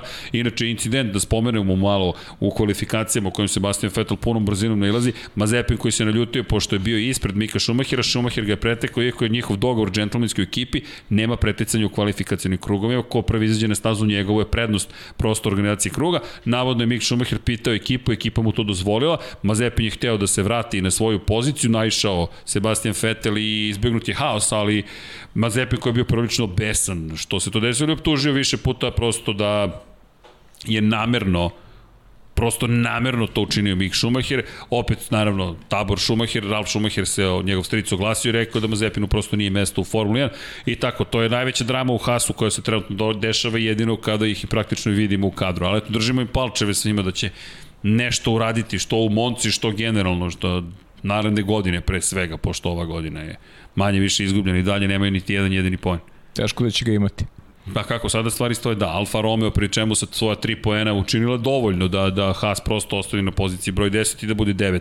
Ali zaista tragično Alfa Romeo samo 3 poena. Cijela smo sezona mi spominjemo Alfa Da, Romeo baš je, baš je veliko očekivanje bilo. Jeste, jeste. i ničeg. Bukvalno ničeg. Ništa, pa ništa. Mrvice. Da nije Kimi tamo i da Antonio ne bljesne s vremena na vreme, ne znam ni o čemu bismo Pa pričali. da, ali eto, mislim, znaš, imali smo postavu koja je prošle godine onako obećavala da će ova- biti dogo kvalitetnija a ispala još gore nego prethodna i sa tim boljim Ferrarijima agregatom Alfa Romeo pa, prošle godine meni Alfa delovali bolje da su, da su, da su bolje posao radili na polju aerodinamike, da su oni čak, da su oni čak u nekim momentima izgledali bolje od Ferrarija. Pa tako je izgledalo. A, stvarno su bili super, ali ove godine ništa od toga, kao da je izbrisano gumicu. I zato imamo sad eto, ali dobro, ulazimo sad u neku novu eru i njihovu sa Vaterijem Bottasom i čekamo da vidimo šta je izbor za vozača broj 2. Da, i kada govorimo o tome, Monca bi trebalo i tu odgovore mnogi da da, s obzirom na činjenicu da Alfa Romeo, verujem da će u Italiji opet iskoristiti priliku da saopšti da ovo što kaže Deki, ljudi, fotografisanje, mediji, pažnje javnosti, Kako gde ne? će biti velika ako neće u Monci, pogotovo posle ovakvog zandvorta, jer mislim da je da su tifozi dobili izazov.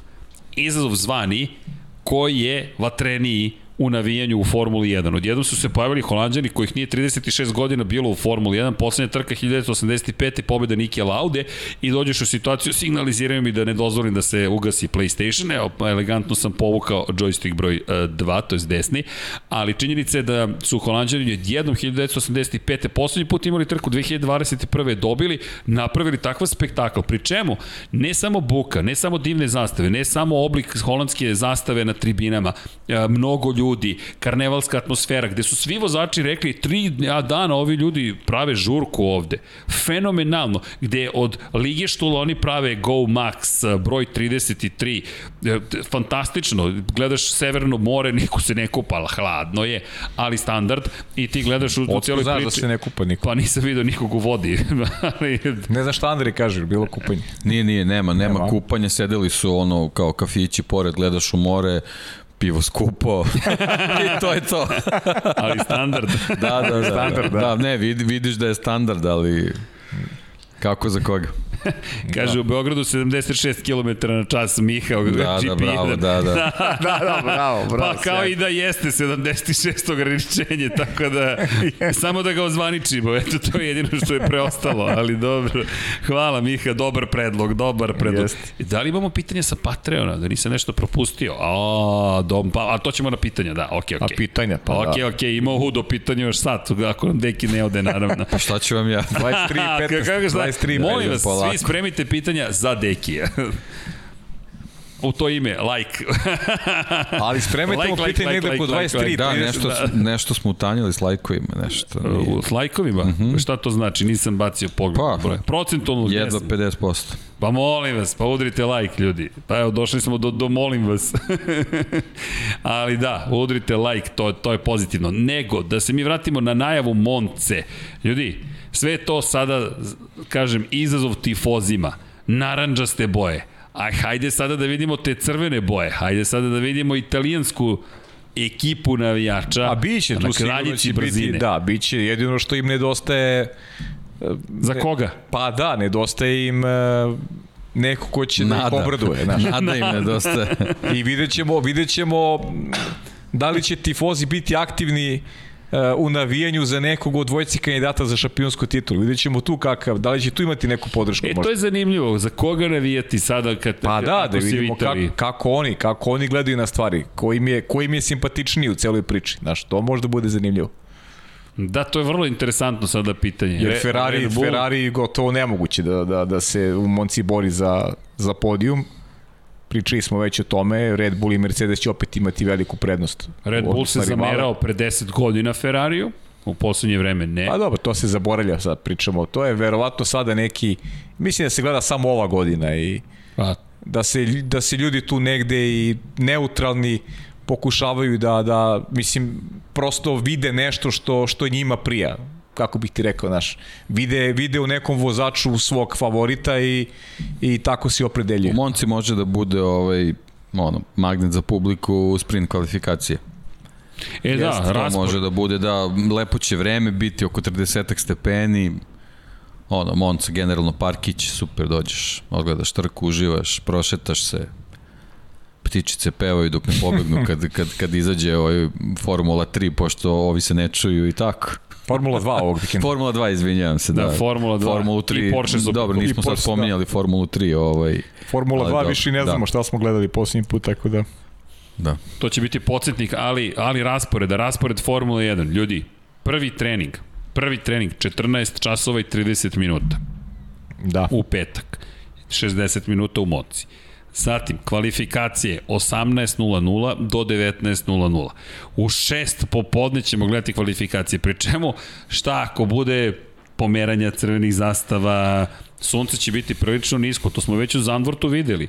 Već dolazimo u situaciju kada je ovo malo problematičan raspored, pri čemu u subotu Da ne zaboravimo, trening broj 2 u podne, 12.00 do 13.00 i onda trka, sprint trka, 18 krugova ili 30 minuta od 16 časova i 30 minuta.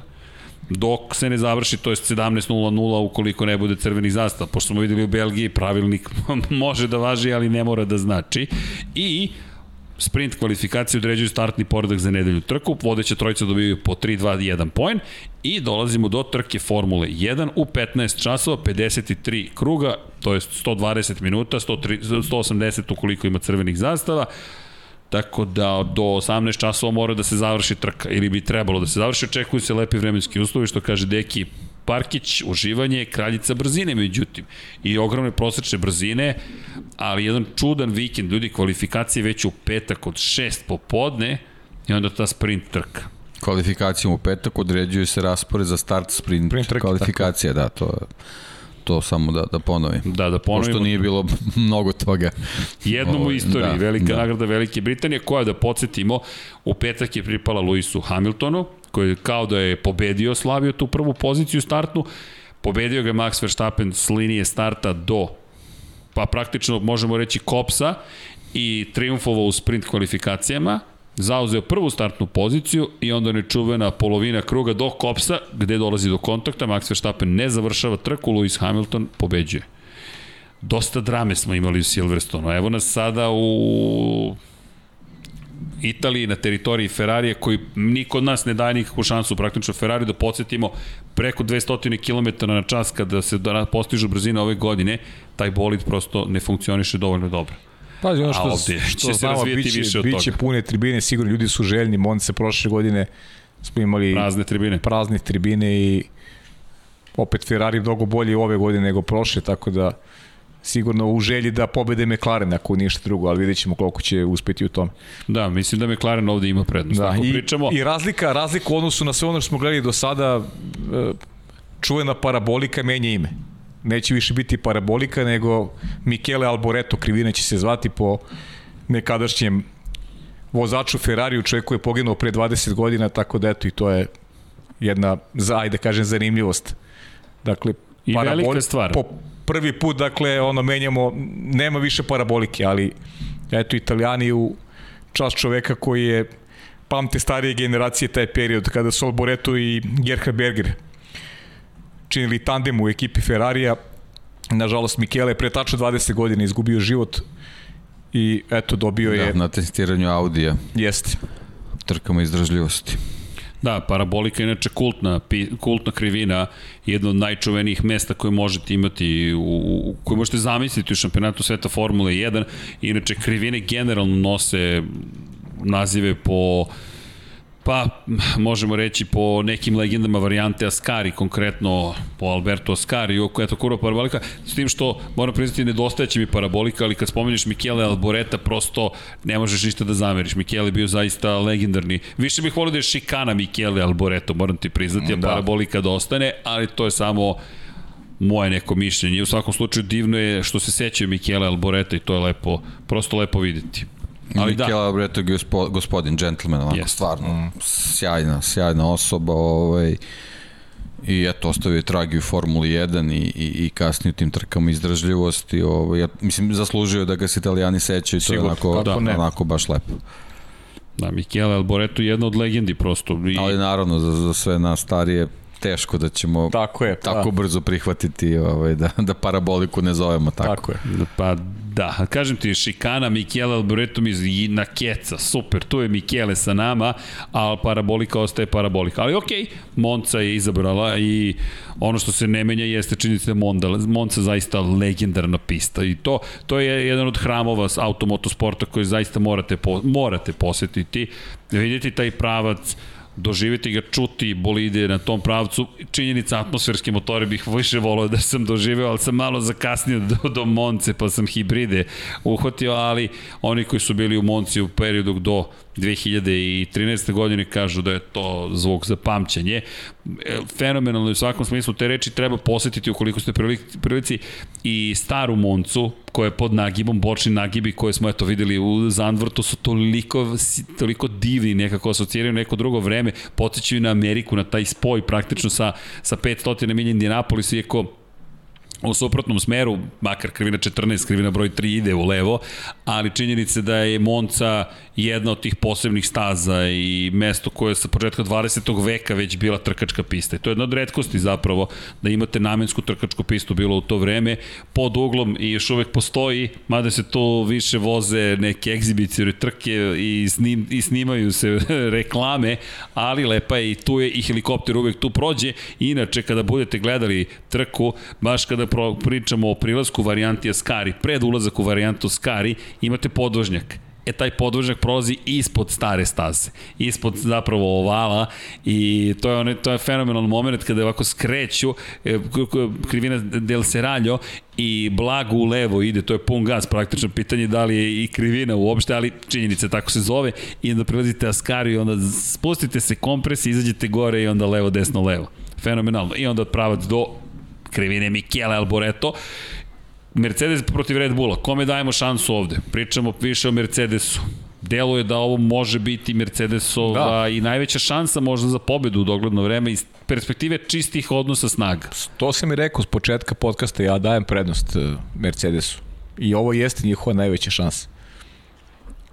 Pazi, I inače sam rekao da, da, da je posle svih onih dešavanja u Mađarskoj i Velikoj Britaniji da je Lewis Hamilton favorit za osvajanje šampionske titule i dalje stojim pri, pri toj tvrdnji, ali a, mislim da a, ukoliko Max Verstappen pobedi u Monci da bi sezona mogla da se okrene u njegovu korist, a i u Monci prednost dajem Lewisu Hamiltonu.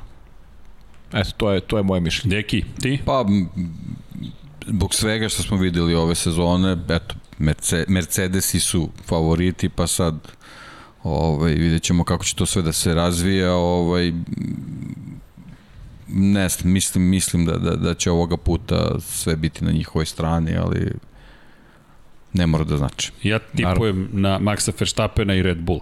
Tipujem iz perspektive onoga što smo videli u Belgiji, iz e, testiranja zadnjeg krila koje je već tada pripremano za Moncu.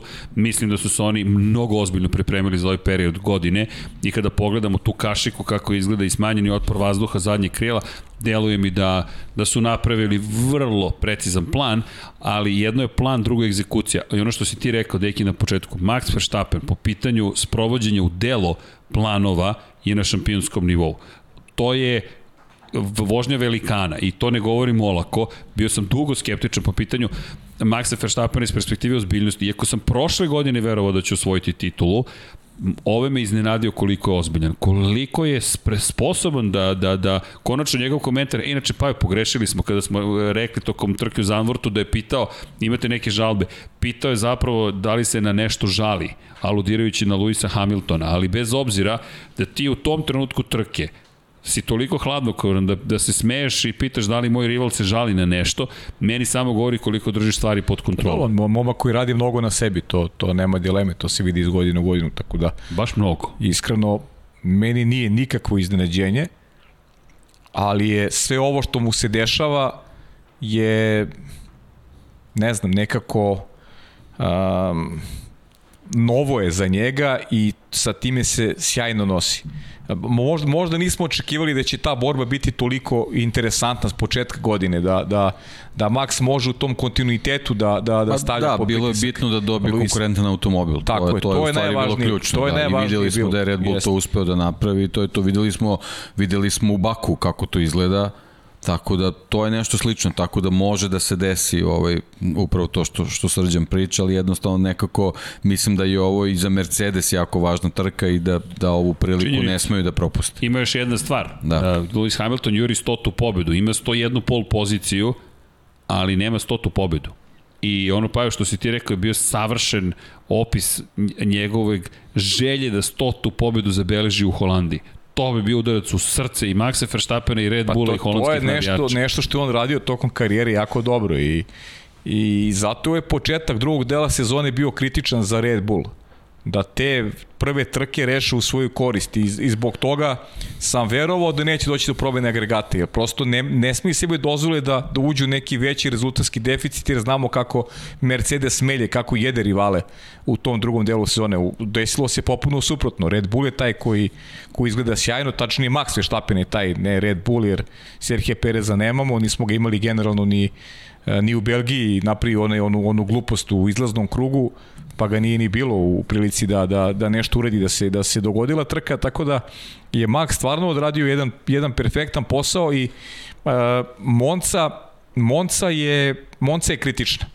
Mislim, svaka trka je kritična, ali ova baš jeste. Jer ovde Mercedes ima objektivnu prednost, rekao bih, vidim da se slažemo u tome, ali ako pobedi Max Verstappen, uh, Luisa i u Monci, njemu se onda lepo otvara prilika da da osvoji šampionsku Ja, u stvari, upravo si sad ovo lepo rekao, mi, mi pričamo o favoritima za pobedu, ali i jednom i drugom je bitno da budu bolji od onog drugog. Jest. To, to su njihovi ključni, ključni ciljevi za, za ovu trku. A toliko su da. ispred ostalih da Tako se je, da, da je to pobedu. povezano da, da, da se da. priča o pobedi. Pa da, da. i ono što da. pričamo, ljudi, ima, ima sigurno još vozača koji sa dobrim automobilom bi mogli da pariraju.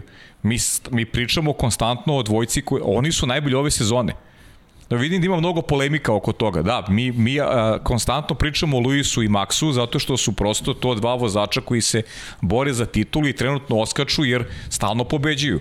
A, kako bi se ponašali neki drugi momci, Lando Norris recimo ili ne znam, George Russell, Charles Leclerc, ne, da imaju priliku da voze a, takve mašine, to mi sad ne, ne moramo ni da sporimo oko toga uopšte. Jednostavno imamo fokus na, na ove koji se bore za titulu i zato njima dajemo prednost jer, jer ne pati kad smo imali ovakvu sezonu da dva vozača iz dva različita tima se bore za, za šampionski ulog, a a tako su dobre trke, iz nedelju u nedelju. Toliko stavljaju onako po, jedan drugog, e, postavljaju, e, visoke granice postavljaju. I mislim da obojca uživaju i Lewis Hamilton koji zna kako svaje šampionske titule i Max koji je napredovao u svakom pogledu i uspeva da se za sada da se onako sa tim izazovima nosi na najbolji mogući način. Čak i u trenucima kada je imao pravo, apsolutno pravo da bude i ljut, da bude i razočaran zbog dešavanja na stazi, oni pronalazi način, pronalazi način da bude miran u obraćanju javnosti, da bude da miran u, u nekim svojim reakcijama, da pronađe mir u pripremi za narednu trku, za naredni trkački vikend i sve to ga čini e, potencijalom da u što je skorije vreme osvoji šampionsku titulu. Da li ove godine vidjet ćemo, ali svako da je narednih sezona on taj koji... Da, a idemo i na ruku što i Red Bull ima iste takve ambicije, jer Svakako. suša je već, već preduga, da, tako da ovo, sve im se uklapa, ambicije im se poklapaju. Iz perspektive, evo gledam od tih odnosa, zašto pričamo o njima, je dosta jednostavno. 224,5 poena Max Verstappen, prva pozicija, 221,5 Lewis Hamilton, druga pozicija, 3 poena razlike, Valtteri Bottas treće mesto, 123 poena. Ljudi, Max Verstappen ima 101 i po poen više od Valterija Bottasa na trećoj poziciji, Lewis Hamilton 198,5. Ja zaista ne vidim kako uopšte možemo da stavimo bilo koga u priču, a mi posle 13 trka imamo dva vozača koje su upravo promenila ponovo poziciji 1 i 2 i razlika je samo 3 boda. Pa nema o kome drugom da se priča, sve ostalo je, da citiram Zorana Popović, jednog od mojih bivših urednika, salata. Ovo je glavno jelo, ljudi, to je salata, neko ti doneo kupu salatu i ti kažeš, ok, poješću malo, ali zna se gde se gde je glavno jelo, to su Max Zna se gde je bela vešalica. Tako da. je, pa sad. Recimo, može, pa recimo. Može, deki, Opa, može. deki otkriva šta se dobar sprema. Izbor, dobar izbor, može. ne, ali to je to, ovo je the main course, što kažu, glavno jelo, zna se šta je dva velika rivala, dve snažne ličnosti, najuspešniji vozač svih vremena u poteri za osmom titulom i momak koji ima 17 pobjeda, najmlađi očigledno s tim brojem Jest, pobjeda najmlađi, ikada, da koji pokušava da dođe do prve titule i pride prve titule za Red Bull od velikog Sebastijana Fetela 2013. godine. Kraj kraj. I to je najava svake trke ove sezone. Evo, možemo da snimimo, dogovorili smo se s Mixom u 99 yardi matricu i samo puštamo. Zp, zp, zp, zp, zp, zp. Zašto? Zato što je to tako. I ljudi, to je kao da pričate o 1988. imate prosti ser. Evo, nagradno, nije nagradno, pitanje Ko je bio treći 1988. godine u šampionatu sveta? Ma, silo, ne pogodio Koga dva života. briga? Ne bi ja se izvinjavam, ali potpuno je nevažno. Pohvalno je nevažno. Mi pričamo o kultnim sezonama i mi uživo imamo priliku da komentarišemo, pratimo, gledamo kako god, navijate, radite šta god želite. Ljudi, to je ta Formula 1 koju smo čekali. Zaista. Pri čemu mnogo priča. Pogledajte koliko priča samo u poslednjih pet trka. Prethodna trka priča o Holandiji. Priča o tome 2 protiv 1. Otvoreno. Priča o tome da Bottas kaže e, neću najbrži krug. E, Zbunio sam se. Nije mi dobro prikazivano na instrument tabli. A ti ne znaš koliko može da razviješ ta na pravcu. Mislim, to je situacija. Izvini. A pre toga Belgija paja 4 sata u prenosu. Pa ne, a, za, a zamisli Zandvort, Zandvort uh, u, bez Maxa Verstappena dominacije Mercedes. Šta bismo mi danas pričali? Ma ne, ne bismo vozili Zandvort. Pa ne, ne, ne, ne, okej, Ne ali da se vozi. Zandvort. Mi bi danas pričali o tome kako nam je bilo dosadno za vikend. Ne bismo, znaš o čemu bismo pričali? Ko je bio treći? Ne, ne, tad bismo pričali o tome ko je bio treći. A bukvalno, dakle- Zato što bi glavno jelo pretvorili u salatu. A onda bismo došli na to da pričamo o zapravo nečem trećem. Predjelo je, glavna priča ti je predjelo. Ko je bio prvi, ko je bio drugi. Ali pazi, Pajo, prethodna trka, ti si 4 sata u, u komentarisanju. Imamo najkraću trku u istoriji šampionata sveta. To je trka broj 12. Trka broj 11, Pobeda Estebana Okona, Alonso protiv Hamiltona kao priča. Trka broj 10. Incident između Luisa Hamiltona i Maxa Verstappena. Prva sprint trka u istoriji. Trke broj 9 i 8, dominacija Maxa Verstappena na Red Bull ringu. Pa ne. Naranđaste boje. I, izvini, izvini. Belgija se gleda zato što upravo svi čekamo taj duel Maxa, inače Pa ko bi je. gledao Pa, kako znaš pada kako, kiša. ne, ne, zato što si komentarisao, zato A da, su okej, gledali. pa dobro, ali, ali- nije to mala stvar. Mislim i dalje, skidam kapu. Imaš zatim trku broj 7, Max Verstappen koji pretiče i Bottasa i Hamiltona u poslednjim krugovima za pobedu. Pazi, to je direktan duel za pobedu. Hoćemo nazad, trka broj 6, Azerbejdžan. Pucaju gume, pucaju gume na, na startno ciljnom pravcu. Lewis Hamilton pretiče Serhije Perez za prvo mesto i pravi nekarakterističnu grešku. Aktivirao je dugme na volanu i otišao pravo. Čekaj, to ti trka broj 6. Pre toga... Imaju ideš- problem sa volanom Mercedesu, ne vide dobro gde šta izgleda. Da. ne, nešto ne radi. Elektronika. Zatim imaš Monako, gdje treba osvojiti pol poziciju, treba odvesti. Pre toga... Da još nisu skinuli točak sa, sa Gde- Bottasovog Sa bolida. Bottasovog Ove godine imamo najkraću trku i I najduži pit stop. pit stop i kad trajao, e, pit stop je trajao duže od trke. Od trke ove. to je Jeste, fenomenalno. jeste. Razumeš, i to je sve ove godine. A onda imaš špansko otvaranje u, očigledno, Španiji. Portugal koji je onako, dosta tipičan jedan moment. Velika nagrada Emilije Romanje, gde imaš onaj incident sa Bottasom i, i Georgeom Russellom, imaš Hamiltona koji greši i Hamiltona, koji da, se izvlači i ima sreću, pobedu Maxa Verstappena i imaš Bahrein koji je sam po sebi bio zanimljiv, bio zabavan, jednostavno prva trka sezone, vraća se u Bahrein. E to je sve 2021. A razlika između vodeće dvojice je 3 poena. I to su ti, to su ti kritični momenti, recimo, o kojima pričamo za Maxa i to njegovo sazrevanje. Monako, rekli smo, posle tri pobede u četiri trke Luisa Hamiltona i Monako mora pobedi i to je uradio. Pa onda imamo pauzu između dve sezone, Belgija kakva je, takva je, kvalifikacije Max rešio u svoju korist, uzeo neke poene, pobedio naravno i u Zandvortu na svom terenu da je opet pritisak bio još veći pred svojom publikom. E sad idemo u Moncu, gde rekao bih i jedan i drugi su u situaciji da im pobeda u Monci donosi zaista onako jedan mir u glavi i, i baš lepu prednost, pogotovo ukoliko to Max uradi. Jer su sada očekivanja, Pogotovo što ne znamo koliko trke imamo do kraja. pogotovo što ne znamo koliko imamo trka Ljudi, do kraja. ko Da. pobedi vodi. Samo da se razumemo, ko pobedi vodi. Opet je priča ko pobedi vodi, baš kao, Tako je. baš kao i u Zandvortu. Ko pobedi vodi. Da. Haha, kovatno. Ko pobedi, vodi. Vanja, ne, vidi, moram da... Možeš samo ovo da skloniš tamo, staviš negde, pošto ubiće me Vanja. Stavi tamo, molim. Ej, stigli su nam vizitke, čekaj. Dobro, molim te, skloni samo. Stigle su nam vizitke Infinity Lighthouse. Sad imamo, sad smo, sad smo ozbiljni.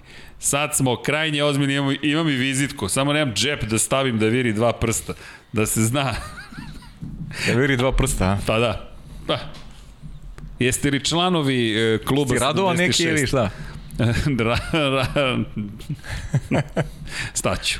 Ali dobro. Dakle, Monca, ju, i to je Monca. Hoćemo da tipo, jedva čekamo, ali ti pazi, ko će da pobedi, nemamo pojma. Pa šta, šta, će da pa radi ti- Bottas? pa tipovali smo, Tipovali smo. Nemamo pojma, ali smo tipu, stvari znam ko će da pobedi. Tražimo, ali tražimo trojicu. Ali ko je treći? A, Ko je Norris. treći? Norris. U, tu smo slični, ali ja mislim da će Bottas i dalje da bude kla, El Clasico treći. Deki?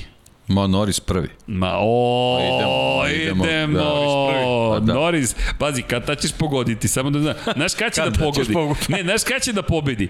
Onoga dana kad ne budeš rekao Norris. Da, to se meni desilo sa New York Jetsima prošle godine. Jetsi, Jetsi, Jetsi, Jetsi, Jetsi, na kraju dobro, odustajem i oni pobede. A, ali dobro, to je tako ide. Tako da, Dobro, pamtimo, ajde. pamti moje Vidjet ćemo, reči, da. mladi Dejane. Dobro, ti znači ti tipuješ na Maxa, tako? Ja na Maxa, ti na Hamilton. Ja na Hamilton, da. Nešto mi Vanja signalizira. B, b, a, Vanja hoće ovu tehniku, pola, va, doći ćemo na to. Evo, Vanja, Vanja je rekao, kralj Vanja na kraljici brzine, šta želi da vam prikaže? Želi da vam prikaže najsnažniju tačku kočenja na ovoj stazi. Mr. Milićević, please. Imate tri puta pravo da zvuk, samo pogodite znaš. gde je. I krećemo Monza, Autodromo Internacionale di Monza u Italiji. Fenomenalna staza, 11 krivina, 5793 metra dugačka, 53 kruga, negativno ubrzanje, snažno. Temperatura nije tako visoka, sve se rashladi. Najsnažnija tačka kočenja, krivina broj 1. Prilaz traje i traje i traje i traje i vidjet ćete to kasnije kada budemo vozili uz komentarisanje i prilaz možete sami zamisliti brzine koje se razvijaju 135 metara za ostavni put 2,66 sekundi traje maksimalno opterećenje na pedalu 195 kPa, negativno ubrzanje 5,5 sila zemljene teže sa 353 km na čas na 88. Koliko možete da nadoknadite, izgubite? Mnogo. 3441 kW energije se generiše fantastično. Punite bateriju bez Tome problema. Moncak, punite sve, da, da, kad punite Bez problema, bateriju, da. u prvoj krivini. da, da, Monca je predivna, ali ima tu problem, moraš i da isprazniš na ovim kilometrima iza što su ostali. Samo 11 krivina, fenomenalna staza, specifična, ali to je Monca. To je lepota prosto dolaska u Moncu, još pored Milana, zabavno je, lepo je, koliko posluže vremenski uslovi, a mislim da su tifozi, ja zaista očekujem da lično shvate izazov Zandvorta, jer sad svi pričaju o tome šta će vam tifozi, šta će vam tifozi, e sad ćete da vidite šta će vam tifozi, još Ferrari kad bi se pojavio, huu, šteta što nema Ne znam Kimija. kako. Ba, Ne vidim, ne vidim nikako da može A, da se da, pojavi. ovde ne. Ali okej, čak Alpina i Alfa Tauri cenim da će ih ugroziti vrlo ozbiljno. Pa, Očekujemo da Alfa Tauri dosta blizu- Honda je moćan istine, motor. Moćan je Samo motor. se plašim voziće da, da ne dobijemo to. da. Pa, To je samo, sprint ali- kvalifikacije će nam dati odgovor. Da, tu ćemo znati u stvari šta nas čeka na trci. Da, to je priprema u suštini. I podsjetnik još jednom, sprint kvalifikacije možete da započnete na kojim god gumama želite i isto važi za trku u nedelju. Koje god gume želite možete da izaberete. Tako da to opet menja pitanje strategije i pristupa samom trkačkom vikendu. Ok, kvalifikacije već u petak, pa sprint kvalifikacije u subotu, pa trka u nedelju. Da li imamo neko tipovanje za niže pozicije, ko bi mogao možda da bude iznenađenje? Pa, ne. Ja ne vidim, iskreno. Pa ja sam rekao iznenađenje. Da, Da, pa gde ćeš veći, Gde da. ćeš veći, da, da, da. da. Pa da. dobro, posle Pjera Gaslija ne bi bilo zgoreg vidjeti Landa Norisa u toj celoj situaciji. Pa iskreno očekujem da Perez konačno o, ovaj- Misliš da će nešto uraditi? Pa nešto, je očekujem nešto? ga tu gore. mislim, Četvrta jednostavno. pozicija nešto. Pa, z- sa, Pa nešto ovim, je. sa ovim situacijama kako rešava ove trke u posljednje vreme, da, to je, ali što Paja kaže da izađe konačno iz tog bunara. Mislim, mm. to je, 25 to je plus 12, je, 37. Koliko smo ga kritikovali na početku sezone, sad to ispane da tu stvari super, da je, da je tako nastavio, bilo bi odlično i za, za Red Bull i za njega ovako.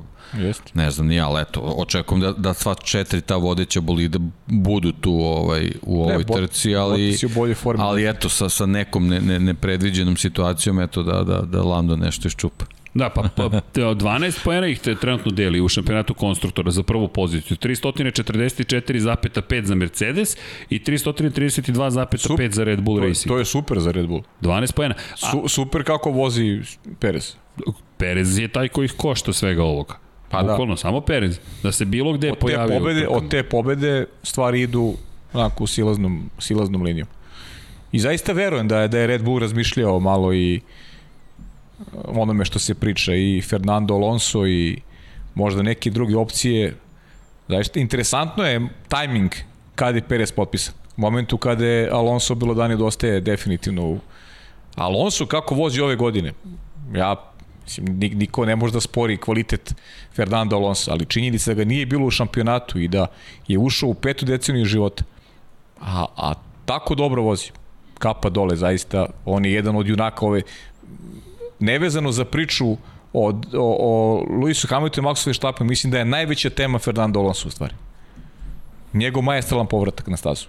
E, to je meni da, naj, jedan najjači trenut, utisak. jednom trenutku je Vettel delovao da je taj, u stvari, evo sad ga nema nigde. Da, ba, ba, da. Alonso je taj koji ima konstantu. Ja, ja u Vettela stvarno ogromno poštovanje čovjek i, i dan danas je fantastičan vozač, ali, ali Alonso je neko ušao sa ušao sa velikom energijom, sa velikim motivom, nešto što e, stvarno sam sumnjao kako će to izgledati, kako će taj njegov povratak izgledati.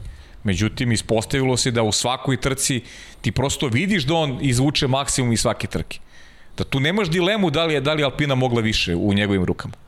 To je to. Staviš tačku i kažeš bravo majstore, al ti vera i, i, i, i to je to. Ali u svim aspektima, ako pogledaš njegovu pripremu za vikend, motivisanje ekipe, kako funkcioniše u timu, on nije tačka razgradnje. On je Nije samo čovek... motivisan, to je ono polumenadžerisanje. Da, da, on je on taj koji se tu pojavi i sluša se. Jeste ali to je autoritet koji ti je bio Tako potreban. Je. Pritom nije onako ne pravi neki, neki nametnuti uticaj da on sad nešto tu, tu ovaj, ne, baš je ovaj, menadžer, da, mentor. Da, gde, gde, gde ovaj, zanemaruje poziciju nekog ko, ko vodi ekipu, nego on je tu, ovaj, a, a i oni imaju sreće da je tu i Davide Brivio koji ume da, da, da napravi timsku atmosferu, vidimo, on se nigde ne pojavljuje. On je jednostavno pa da, čovek evo. koji, koji na pravi način diriguje timom, idemo polako, gradimo, Zna kako se osvajaju titule Timski i kako se smo pobeđuju. tu što, što su pokazali u, u Mađarskoj. Jednostavno, ako smo tim, tim smo. radimo to šta, šta nam je glavni cilj i to su stvarno uradili i sad eto imamo, pa i imamo su... Alonso za sledeću godinu tu tako da vidjet ćemo kako super. će to sve da, iz, da izgleda da. I ovde su konačno oni organizovali da ti ne ugrožava jedan drugoga ni jednog da. momenta. Sad je praktično Renault na potezu eto kako da vidimo kakva će tu podrška da bude to je ono što je najvažnije. Ali ima utisak da će dobiti podršku i, ja mislim da su po... Ja mislim da sad je to potez. tako pozitivan je Jest. naboj tamo da Jest. da mislim da, da, da nema nikakvog razloga da sad neko kaže ne nemate budžet, idemo dalje. A generalno kad je francuski, kad je automotosport francuski u pitanju je, je pozitivan napad. Jeste. Da. Jeste, pa ono je, pa pogledaj. Ja, pričamo, pričamo o Viktoru Martansu, gledamo ga u, da. u Formuli 3. Pa ne, videli smo Alpina generalno na Le Manu, Alonso sa krugovima revijalnim na Le Manu, mislim, oni sad rade, da ne, oni Alpina sad rade, gura. Pa i talenti Ren, koji, koji Reno, Reno, gura Alpinu, Reno gura tako Alpinu, da. Tako je, da. ali, ali da. ono što je fenomenalno, vidi, e, Teo Puršer, koga očekujemo, ti sada gledaš manje više Francus, Francus, Francus, ti, ti, ti, i kad ih ne spominješ više, to su Francuzi ti, ti jednostavno kažeš, o, ok, o, još jedan Francus se pojavio, sada već to postaje norma, to je sada već očekivano. Jest, jest. Jednostavno tako je, pri čemu, uzmimo i braću Leclerc, jesu monačani, ali opet, A to je ta Francuska, Artur je pobedio isto ovoga vikenda, nismo spomenuli da. Formulu 3 u Zandvortu, Denis Hauger tamo ide Pa Denis Hauger je... Da, to smo komentarisali. Da, Denis da. je najozbiljniji... Poslednji trkački vikend je bukvalno takav da, da Duan kao, kao najbli, najbliži pratilac mora da ima bolji, bolji vikend od svog najboljeg ovogodišnjeg, a da Hauger ne uzme ni jedan bod pojem, da bi pa se da. nešto tu promenilo, tako da stvarno je onako... Pa kronisanje je u Pa da, mislim, šanse postoje, naravno, ali, ali Teoretski baš, da. je, baš je onako Ali u prvoj trci može sve da završi. Da, da, da. Bukvalno da. u prvoj trci može sve da završi Hauger. A pazi. Bilo lošom trkom Duana ili svojom da. dobro. Čak i da ne osvoji titulu Hauger, uh, to neće makar ko mene promeniti mišljenje o tome da je da. Denis Hauger najozbiljniji vozač u toj konkurenciji i da je Viktor Martans neko ko je pokazao ruki, pokazao jednu da. Da. zrelost koja, koja ga definiše i, i, i onako obećava da su Francuzi dobili još jednog velikog eh, talenta u najavi. Pa i Novalak. Pa do, Klemen je već Klemen- tu, Klemen, Klemen je standardan već, on je, on je već tu par sezona i ima neki standard rezultata, on je, on je već tu onako Samo konstatujem, još jedan ali vozač koji, Jeste, jeste. kad tu konstatujemo ga, Pričamo, a opet pričamo o Francuzima. Da. Jeste, o Francuzima. Klemen Novalak, još jedan predstavnik Francuske. Tako da cela ta priča sa Alpinom je inspirativna. Alonso je doneo taj pozitivni duh i fenomenalno koliko njemu taj Renault odgovara, koliko njemu ta atmosfera konkretno odgovara. U Ferrariju nije imao tu atmosferu, bilo je rezultata, ali nije bilo titule na kraju. Samo u Renault kao da funkcioniše Fernando Alonso zaista na način na koji, koji to želi se od njega. Jednostavno, to je pravo mesto, rekao bih. I super je. I mislim da si u pravu da to jeste baš velika priča. Inače, Alonso koji je za Zandvort rekao, ljudi, polako sa Zandvortom, nepoznavanje guma je u velikoj meri uticalo na manjak preticanja, a, na, a naredne godine se nadaju da će DRS smeti da koriste i kroz Ari Lijendik zapravo krivinu. To je pod nagibom krivina da. od koje su odustajali, ali svi su toliko odušeni da se sada priča o tome možda bi smo mogli u nove staze da uvezdemo više bočnih nagiba. Ali dobro, ali Alonso koji mislim da nas je ponovo Da, kupio, ali generalno sa 100% Zandvortom je utisak prekratka je staza. Jeste. Minuti Za- 10 za jedan je, jeste. da, baš, baš malo, mm. tako da tu sam nešto sam gledao, onako ima, ima možda neka dva mesta gde bi u onoj konfiguraciji bez nekih specijalnih promena možda moglo malo da se, da se nešto uspori, da, da dobijemo još nekih par sekundi, ali generalno je kratko je. Pa, za razliku od Red Bull kratko. ringa koji da. je specifičan, koji ima Da. pravac, pravac, Da. pravac, pravac, pravac. Ali je široka staza. Jeste. Ovo je baš usko. Jeste, Ovo je baš usko. Veoma usko, i, ali hokej. Niska, usko, maksimalna, usko i brzo. Čekamo. niska maksimalna brzina.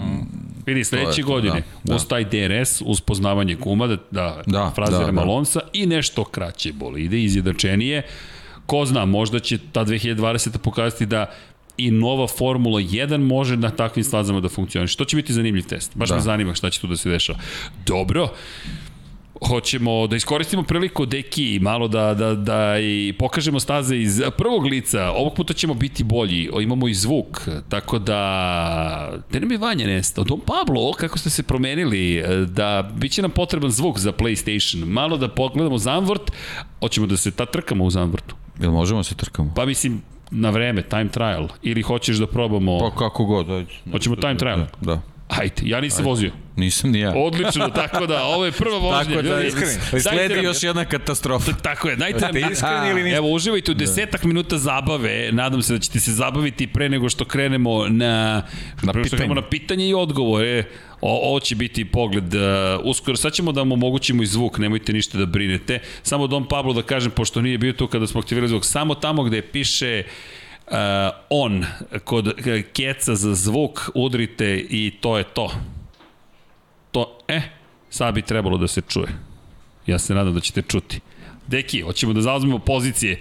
Uh, možete i da vratite na studio ovog malo da se A vidi, kako vozimo, publika sa vidi. ili- Ne, ne, ne, idemo, Aha. idemo, u- hoćete vi prvi Ko će ili ja? prvi, sve jedno, kako Hoćeš, god. sve jedno. Ajde, ajde da probam. Ajde, ajde. Čekajte da se pripremimo, ima i, i kopilota. Nije mi lako Pa stvarno nije ti lako sa nama. Nije mi lako sa ovim dečacima koji vole da se igraju. Hoćeš da pomerimo ovako, sediš, da ti gleda baš ovako. Aha, može. Ajde, da bude kako treba. E, pripremamo sedište. Pripremaju i sedište sada, da. Izvolite zvuk. Veliki talenat našeg podcasta, gospodin Potkonjak je zauzeo ovaj poziciju. Vidim ga u Formuli 3 naredne godine. E, da vidimo kako će to da izgleda. Samo čekaj, uh, prebaci na...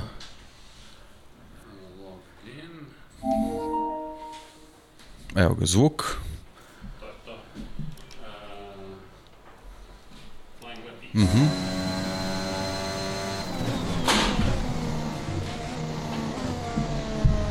Deki nam je pokušao, uh, kvačilo, ali da. Toga ovde nema.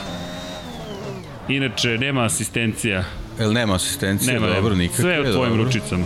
A šta, čekaj, ja vozim Zandvort, ja sam se prebacio na Zandvort, Moncu. izvini. E, moj dek. Ja, Krozari Endik, idemo. Malo Zambort pa odmah na Moncu. Poštovani gledalci, sada možemo i da komentarišemo uz zvuk, da vidimo Dekija.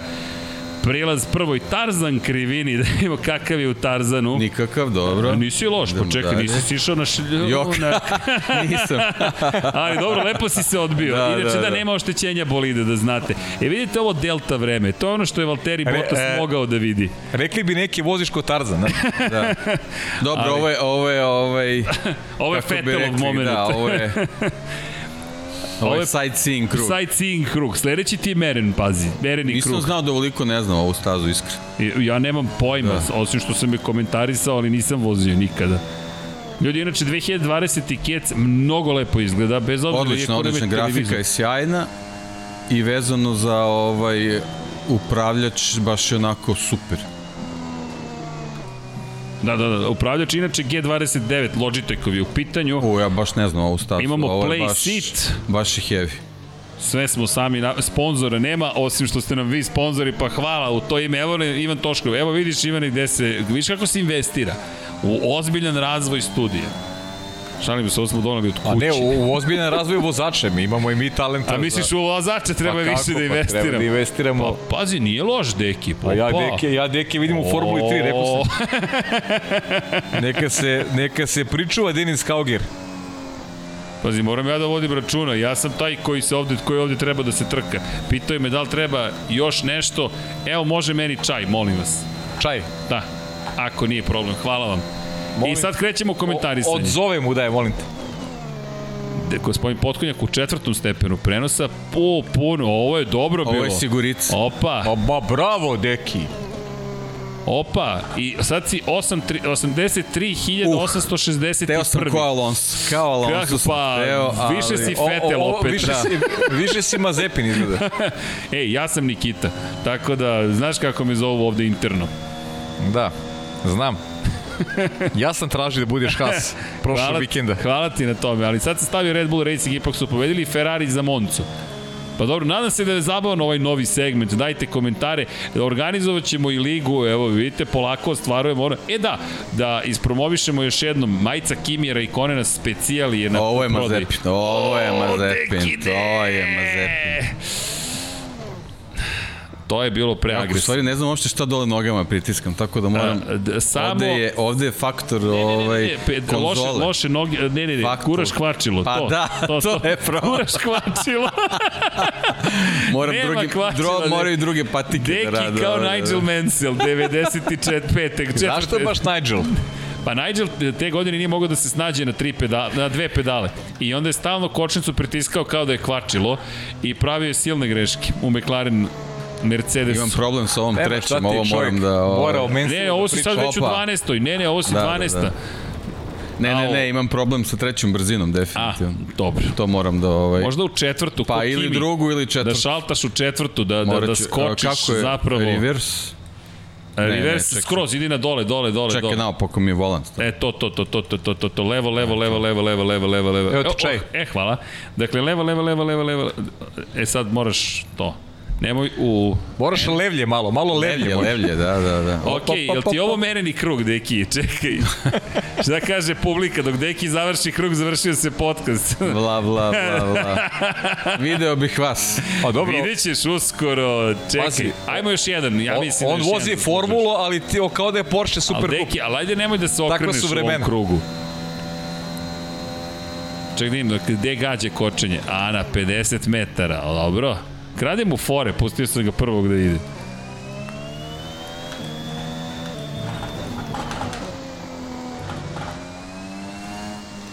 Ovde imam problem, ali dobro, evo, ovo smo sad Opa. nešto kao uspeli. Opa, deki!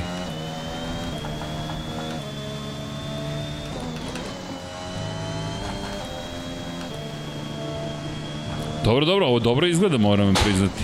Samo opet sam na kvačilu, Ne, dobro. ništa, ništa, dobar si, dobar To si je dalje. Dobar si i dalje.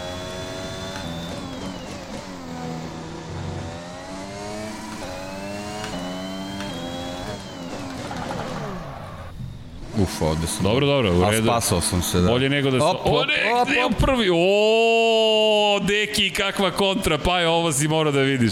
O, E, respekt. U prvom stepenu prenosa. O, respekt, deki. Daj, vratite mi ovde vidim. Ovo je bilo fenomenalno. Gospodin Dijan Potkonjak za zabavu publike. Ja se nadam da se zabavljate. Vanja, vrati mi ovo, molim. Mi se zabavljamo, mada mu poništavaju krug, ali... Zašto? E, Vanja, uključ... Ne, ne, sve u redu, priznaćemo mi. Komisija priznaje. Dobro. Komisijski je priznat krug. Samo Vanja, skloni mene da vidimo koje vreme je na kraju Dekijevo. E to, da vidimo Deki, 1 A, u katastrofa. 1.31. Neću se smem. O, smem ja sada? Kako da ne? E, hvala, hvala. Opa, ideš, a? E, skočio na 83.600 drugu poziciju. Opa, Globalno. bravo, deki. Da, izvolite, gospodine Potkonjak. Ajde, da ne mogu da stanem uopšte. E. Ako... Neće mi to daš. E, sad ćemo da vidimo. E, dobar dan. E, dobar dan, poštovani gledalci. Sada su komande u rukama moje malenkosti, kao što Serčan. možete videti. Ostaje me deki u šljunku, pa ne verujem. U Tarzanu. U Tarzanu, da. E, okej, ajde da vidimo ovo. Dobar si, dobar si, odlično. Odlično. Oho, dobar. Sjajan. Malo jak na gasu, a? Odličan si. Dole ti je rikvec. Na dole, na dole. Da. A, okej. Ta prozivka pada, dobro. O, dobro, dostići ćemo do cilja. Dobro, dobro, polako, polako. Samo polako. Ne znam kog si vozača izbra- izabrao, Mir opet u, u Samo se ti šali, za upravljačem ili ni. Samo se ti, Dejane, opa. Opa, u petoj se okrenu, bravo. Ok, ovo još nisam Bravo. izveo, ali to je zato što su mi stare gume. Moguće, moguće da je to. Kreni šestom, to je najsigurnije. Vidi, šestom nego šta, nećemo se ovde. Koje ti vreme beše? 1 milion 844 nešto, ne znam nije.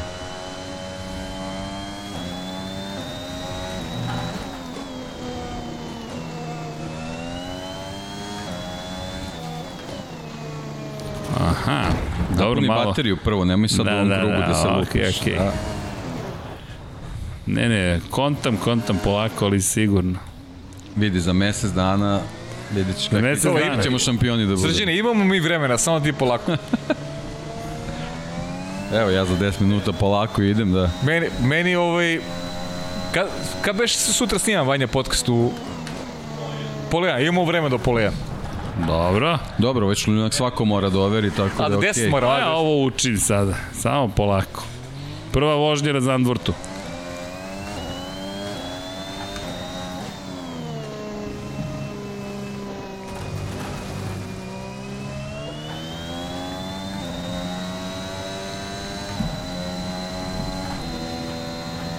Malo ranije ovde šaltao, Dobro, ali e, sada te vidim. sad ćemo da me vidimo. Petom, Sigurica. Nego šta nego Sigorica, deki.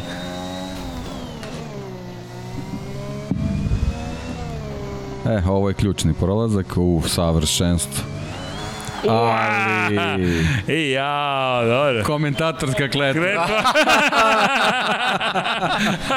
Pa dobro, nisi mnogo grešaka napravio, šta? Ovo ti je te 63. Čekaj, imam još jedan samo krug i to je... Mo, bolje Moncu da ne vozimo, nećemo nikad stići do cilja. Oh, oh, oh. Montu ćemo da probamo, pa zašto da ne? Okej, ne znam da se publika samo zabavlja sad. Čekaj da vidim samo. Samo koliko ljudi je ostalo. Bravo, Vanja. Pritisak inercije. Vozi. Vozi, vozi. čekaj, čekaj, čekaj. Pritisak inercije. A, pritisak. Ne, ne, pritisak, pritisak. Teško se nosi sa pritiskom. Da, da, da, pa po tome sam poznat. Pa dobro, mala, mlad si još, polako. Vreme radi za tebe.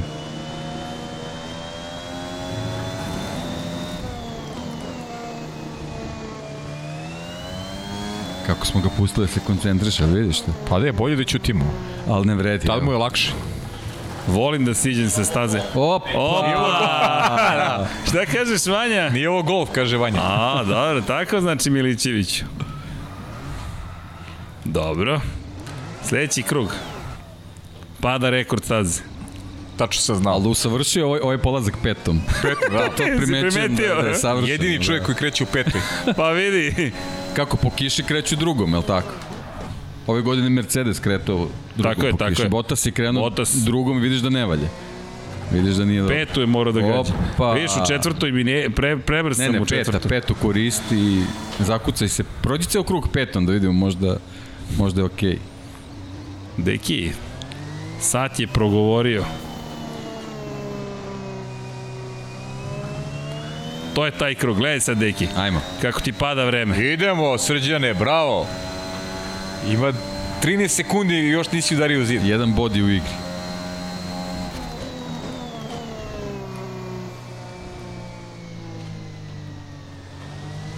E, ovo je dobro. E, idemo. Ključna tačka.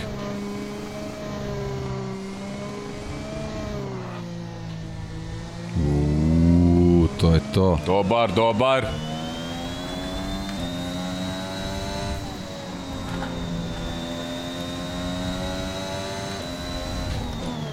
Ne dobara vreme, nego to je... Lepo.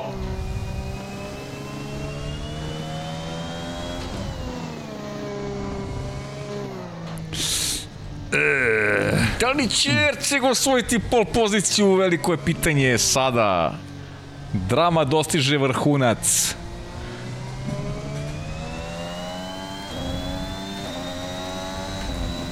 Sledeće dve krivine su ključne. Da. Sledeće dve krivine su ključne. Lepo si rekao ovo.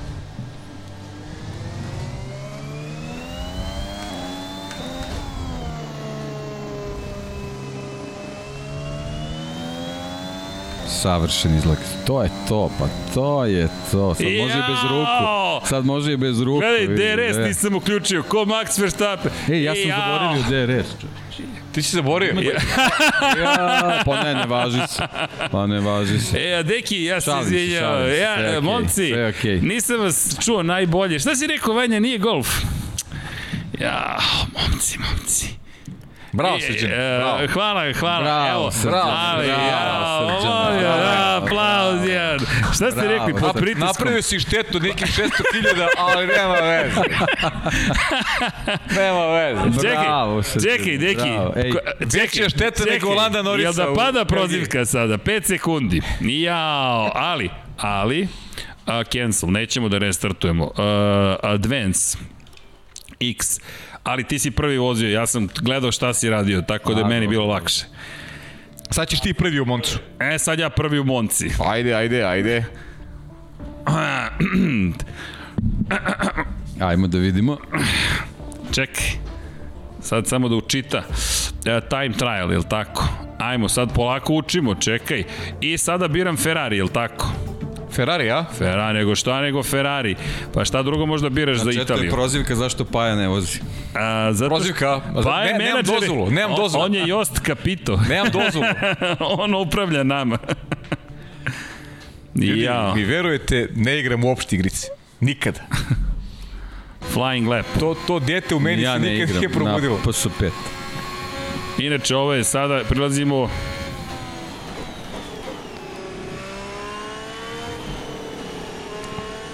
Michele Alboreto krivina. Tako je.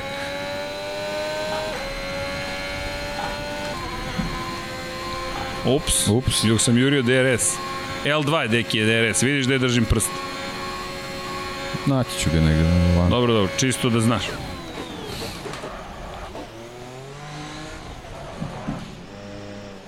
No, malo greškica ovde, ali dobro.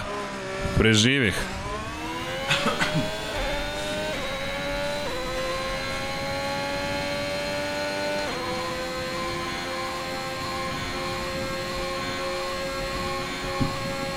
Ja, poznate krivine, pa je lakše. Da, da. Oh, ja volim ovu četvrtu. Čekaj, neki, tvoja treća. Ja, da. moja je četvrta. Evo, ali ovde imamo krug manje, pošto poznajemo stazu.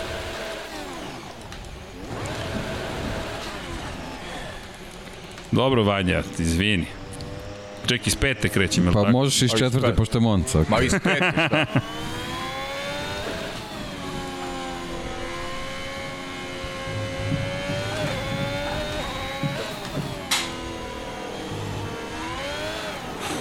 U, ovde volim ove, dodavanje gasa. Nadam se da, da Binotto ovo ne gleda. Matija. Pa dobro, ako sam Red Bull za onoliko oštetio, mogu malo i Ferrari. A da ih malo uštineš, nije problem.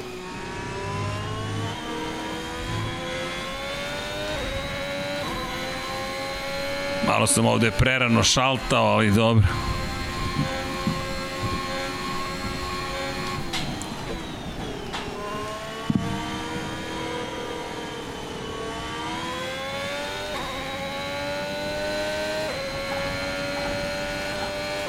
Idemo srđeni sad, pun gas. Veruj mi, pun je gas. Sledeće dve krivine su ključne.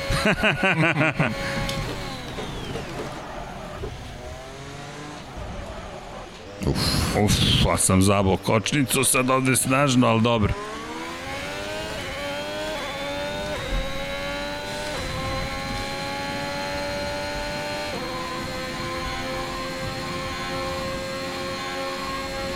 Znaš čega se plašim, neki? Reci. Da, da, da nam ga ne ukradu neki Japanci, znaš. A ne, ovde sam kasno kočio. Da ga ne snimi neki, neki iz Honda. Čekaj, znaš, samo ovaj krug se računa, jel tako? Ili još Da, jedan, da, mu damo ovaj, još Ako jedan? gleda Christian Još Horner jedan, i evo, kao... još jedan ima. To je taj momak. Ostavam bez čoveka, ostavam bez čoveka. Šta ćemo onda? Morat ćeš vanje da uskačeš ovde. A? Selimo se svi tamo, a?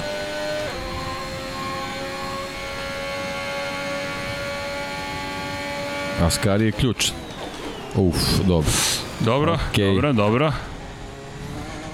Dobro. Nije to baš, nije baš kako bi trebalo da prođete Askari.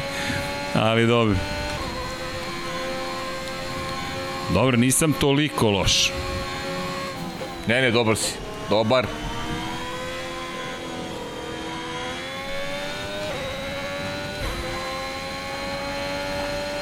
DRS je ključan, to, to kad upališ. Nemoj deki da zaboraviš posle. Evo me, deki, Javlja stižem. mu se Binoto nešto, ne, ne znam šta je bilo. Ba, Binotto ima primetbu. Ima amandman. Da, nešto mu se javio sad, zašto, šta se desilo, ne. Ne, ne, meni se ovaj... Ja sam čuvao bolid. Ali ovo vreme je fascinantno. E, sad, lezmo ako pregura, sve je pod kontrolom.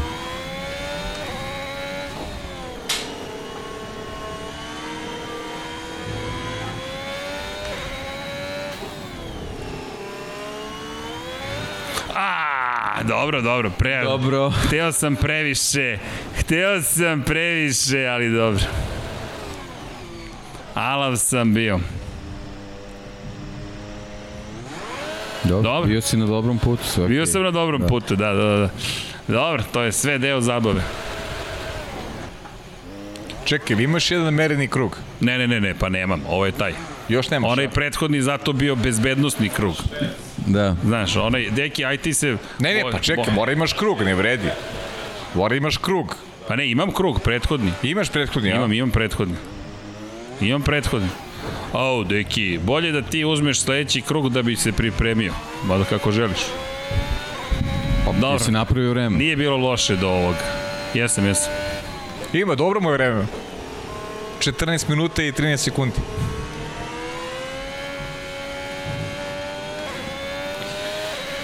Samo se vi šegajte, ali malo je nedostajalo. U, pogrešio sam dugme. Ja imam problem samo s kočnicom, sve ostalo sam savladao.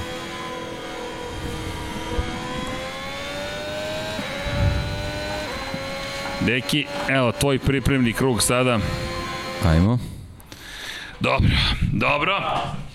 Bravo, bravo. Alver. A, neki. Veći je pritisak kada postaneš prvo vreme. Ali malo sam bio ala. A koje vreme? Čekaj, nisam vidio. Vreme, nešto 1.36. 1.36, a? Da, pa jesi ubacio paju u liku u slici? Šta? Kako? Da bi se videlo vreme, a? Pa vreme, bolje vreme nego paja. Da ne baciš kamo levo. Imaš poziciju na, na, co ti Vidiš da je, kažem. vidiš da je paja neko, A, reci. da je paja neko kao, kao mapetovac ovaj. E, S tim što to nije Pavle, samo da znaš. Samo prozivam, znaš. E da, za one koji su na audio platformama, ovaj deo nadam se da je silno zabavan iz eh, perspektive toga što slušate kako se voze bolidi, ali eh, Dejan Potkonjak prilazi krivini Michele Alboreto. Da ima doći da prođe uopšte kroz paraboliku. O, Potkonjak je agresivno krenuo. Ali ovo su ljudi pravi dueli Ali je, poznaje stazu, on se već trkao ovde. On ima prednost objektivno odnosno na tebe. Deki čak i vozio Moncu. Pa vozio sigurno. Ma šta ti je, Pavle, nisam zabrinut uopšte.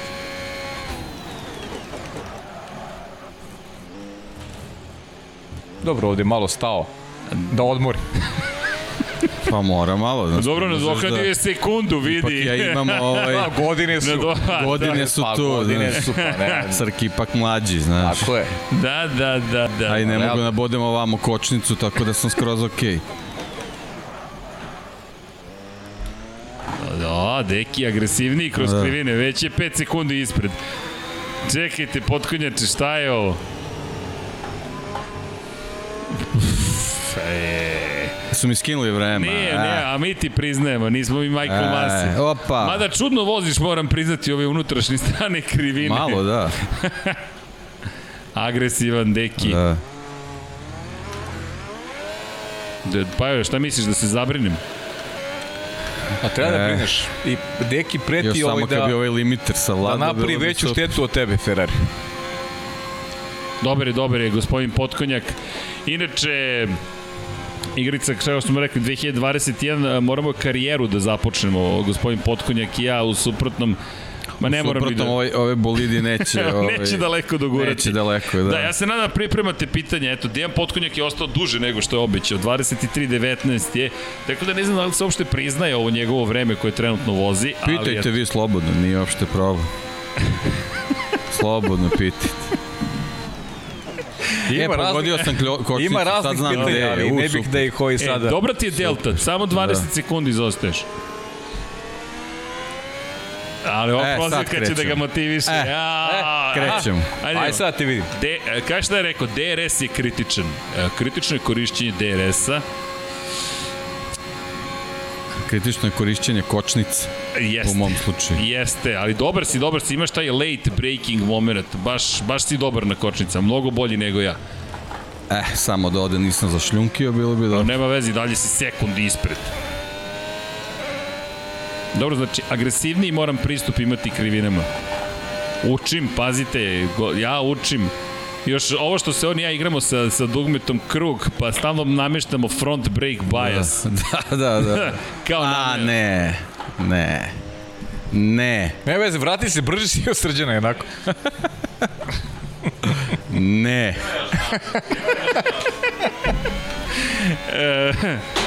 Ništa ja nisam rekao, evo pogodio je kvačilo. To je stres meta. Taj zvuk što ste čuli, to je Kad čujete kvačilo. da nešto puca po studiju, to je deki koji je uzeo i kvačilo. A, fenomenalno. Ne, ne, Dobro, mora druge patike, ja mora, da, ne možemo mi se- u kaljačama da vozimo ovo, mora nešto se promeni. Pa nisu ti baš kaljače, vidi ono da se razumem. Jo, pa, nemoj, nemoj da gubijaš sad, kaži jesam kaljač. E, Under Armour. Da. Zaboravio si blato, deki, zaboravio si blato skineš. Eh, Jao. ja, majko mila, kut sam prihvatio ovo da radim. A, pa nemoj, mi moramo tako. Ne, ne, pa ne može, baš se brukamo, moramo malo da I vežbamo. pozdrav ovo, za evo. resničanina, kaže, svratio bih na krug u igri u komšiluku sam, ali me malo grebe grlo, pa se nekom drugom prilikom vadimo da proverimo kako je bilo moje vreme. Pozdrav resničanin, 250 dinara čovjek uplati. Ej, kako stojimo sa uplatama večeras? Čekaj, ajde ja da pozovem na uplate. E, molim vas da podržite mladog vozača Lab 76 Akademije, Dejan Potkonjak, slobodno uplatite, bilo šta, udrite like. Nemoj, ako se javlja gospodin, znam ko se javlja. Deki. da, Dobra prozivka. Dobro. Imam još jedan krug ili nemam? Imaš, imaš, ovo Imam. ti, ovo ti je taj krug. Ovo je taj To je sudbonosni taj. krug. Pazi, Dobro. e, sektor 1 je tvoj. Tu se zeleniš onako. A ti si, ti si mislio na Igora? Na Igora sam mislio. Nije, Deki Andri, znaš što Deki Deki? Andri, šta kaže? Kaže Deki, izašla, kaže sad vest nova. Da. Ferrari saopštio da smenjuju dosadašnjeg vozača simulatora i dovode srđana. kaže, treba im neko da testira gume kad su van asfalta. A, ne, ovo je, ovo je, ne. Ništa. Ne, bez kruga su. Dobar je, Deki, dobra fora, dobra, ne, bravo, Deki. Deki. Mada ti kažem, Deki, nije ni potkonjak bio bolji, on je isto bio više van Deki asfalta. više za travu. Zato, ni, ni, Deki hoće ovo sa kvačilim. Hoće da, jel bi ti da vratimo kvačilo u Formulu 1, Deki, priznaj. Da imamo malo, eto, dame i gospodo, ne krijemo naš talent. Trebalo transparentna situacija i... Ovo da se komisijski spali sve. Da, da, Vanja, samo ugasi zvuk. E, to, molim te, ovaj, Ferrari, ukoliko je suditi po Deki i mojim rezultatima vožnje MotoGP-a, Ferrari se ne piše dobro u Monci uopšte. Koristili smo Joana Mira u Silverstonu, čovjek ostade bez komada gume na početku trke. Ali dobro, i ti Pajo, kako ti se dopalo ovo? je? Super si bili, stvarno. Stvarno, impresioniran sam. Ne, to reči čovjek koji komentarisao kišu 4 sata. Pa da, o, pa ovo, ovo, je za mene fenomenalno. Ovo je u, po- u poređenju s onom kišom, ovo je top. top zabava, stvarno. I šta ćeš kad naučimo I, da vozimo? I ne bi mi se desilo da napravimo onaj kiks u prenosu. Znaš, ne bi mi se kiks? A ono, ono moje, ono, znaš. vidi, ljudi navijaju za majice, pa ti vidi. Ja znam, čuo sam, ne znam šta da radimo s I tim. dalje, ali te, to je Paja special. Nisu, ovaj, nisu baš pristune te majice, ali Nisu. dobro. E, ali možda možemo sa zvezdicama. Evo, evo razmišljam nešto. Evo, raz, da, evo razmišljam. Evo, Evo, razmišljam. razmišljam. Evo, razmišljam nešto. I tako. Ok, hoćete, hoćete da postavite, da li želite da Pa postavite? ne, pitanja su, pitanja su na ovu temu, znaš. Koju Pite, temu? pa na ovu temu vaše vožnje, ja samo ta pitanja sad imam. Pa mislim svašta nešto ima tu ovaj. Da čujemo. znam. Imam jedno pitanje, ima jedno specijalno pitanje. Boris, Boris Truti, ne znam da, Da. poznaješ čoveka. Po, sticam okolnosti. Kaže, može pitanje šta bi sa Vinjalesom? Vozit će ovoga vikenda Apriliju. Da. A viš kako smo ozbiljni u svom poslu? Ne ozbiljni, ima nekih pitanja, ovim dansa smo vas malo zabavili. Ne. Evo, Aleksa Rajčević piše, kaže, pa je, bilo bi lepo neke majice da izbacite sa potpisima vaše ekipe. Rado bi kupio tako nešto, verujem i mnogi. Hvala, hvala, Eto, hvala. hvala ti Aleksa puno, stvarno. Hvala. Uh, inače, evo Kibi, moje vreme u Monci 1.23.307. Dobro, to je challenge. E, e, pitanje od prošle nedelje. E, možete mi odgovoriti na pitanje koji srđan nosi sat i da li ti ima da se kupi u Beogradu? Uh, koji srđan nosi? Evo taj, da. Uh, pa, Pitao je prošli put čovjek, E, evo e, sad me ponovo poslije. Apple Watch je u pitanju, tako da ja nis, ne mislim da nema u Beogradu da se da ih zvate se zvanično kupe, ali imate po oglasima u preprodaji što kažu, ali e, da, nisam siguran da li ima ih u sticam okolnosti, kupio sam u a kada sam bio poslednji put nešto malo danje, da to je bilo tad u decembru 2019. Ja to je kad sam bio išao da snimam muzej Williamsa. Sjeća se, da. Tako da to iz tog perioda. Uh, evo predlog, Neven, uh, za Vukašina, za 2000 evra kupiš trkački, ga voziš ga nakon, pa vidiš kako ti stvarno ide ne kući s igricom. Nevene, ukršćemo, iako ste Vukašinu pitali možda mi da kupimo Jugo, isfriziramo ga, obeležimo sa Lab 76 i na navak. Šta vi kažete, gospodine Potkonjak? On je Ne- razočan. ne znam šta bih Ubio ga. Ferrari. Ubila ga Monci. Rekao. Šta, šta? Da.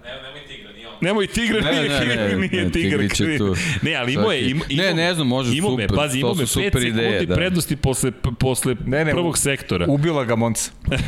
Nije Monca, mora, mora se navikneš na, ovaj, Da. na konzolu. Da, e, zato je Nezgodno je. srđan u zelenoj majici zbog Vinjalisa, kaže Dijera, da.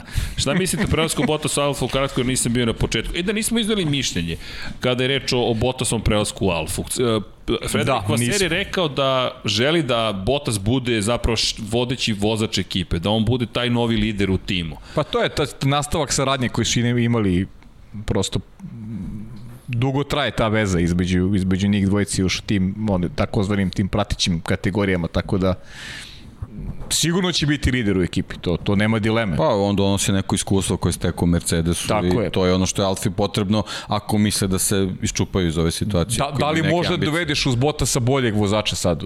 Pa, da. Pazi, Alfa je dobila, dobila je premiju. Tako je, Zaista tako sa je. Bottasom je dobila premiju, da se ne lažemo je sad.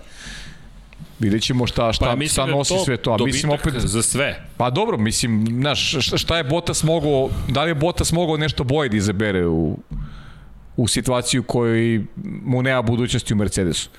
A želeo da ostane u Formu 1. Mislim da ovo zaista za njega najbolja moguća opcija.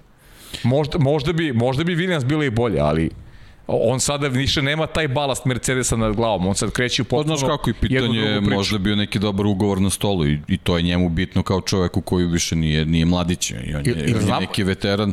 Pa znamo ne, koliki ne je znam, ugovor. ja nisam nisam Da, znamo koliki je ugovor. nisam na leto, ali je poenta da je Da, više ne, godišnji, ne, tako ne znamo da tačno E, da ima koliko je pa, ograničen. Da. nekoliko elemenata. Evo pitanje zašto Alfa, zašto ne Williams i Mercedes. Sad, spekulišemo, ali ajmo, hajde da postavimo argumentovano stvari. Pod jedan, ovo što je Deki upravo rekao, što je De- Paja pitao.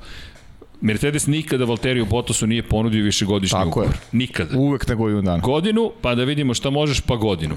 U, u čime god da se bavite, kada vam neko kaže, potpisali smo ugovor sa tobom, pa ti sada razmišljaj da li ćemo ga produžiti za narednu sezonu, vi ste na, na, na ivici. Bukvalno ste na ivici. Neki ljudi u toj situaciji uživaju, to jest, ne mogu da kažem uživaju, ali ispliva najbolji iz njih, kao u slučaju Serhija Pereza, koji je ostao bez ugovora i odvezao svoje najbolje trke u karijeri kada je bio suštinski bez pritiska i kada je rekao, ok, ja vozim šta god da bude, ja ću da se oprostim od Formula 1 na najbolji mogući način, nagrađen je bio pobedom. Valtteri Bottas je sada dobio višegodišnji ugovor.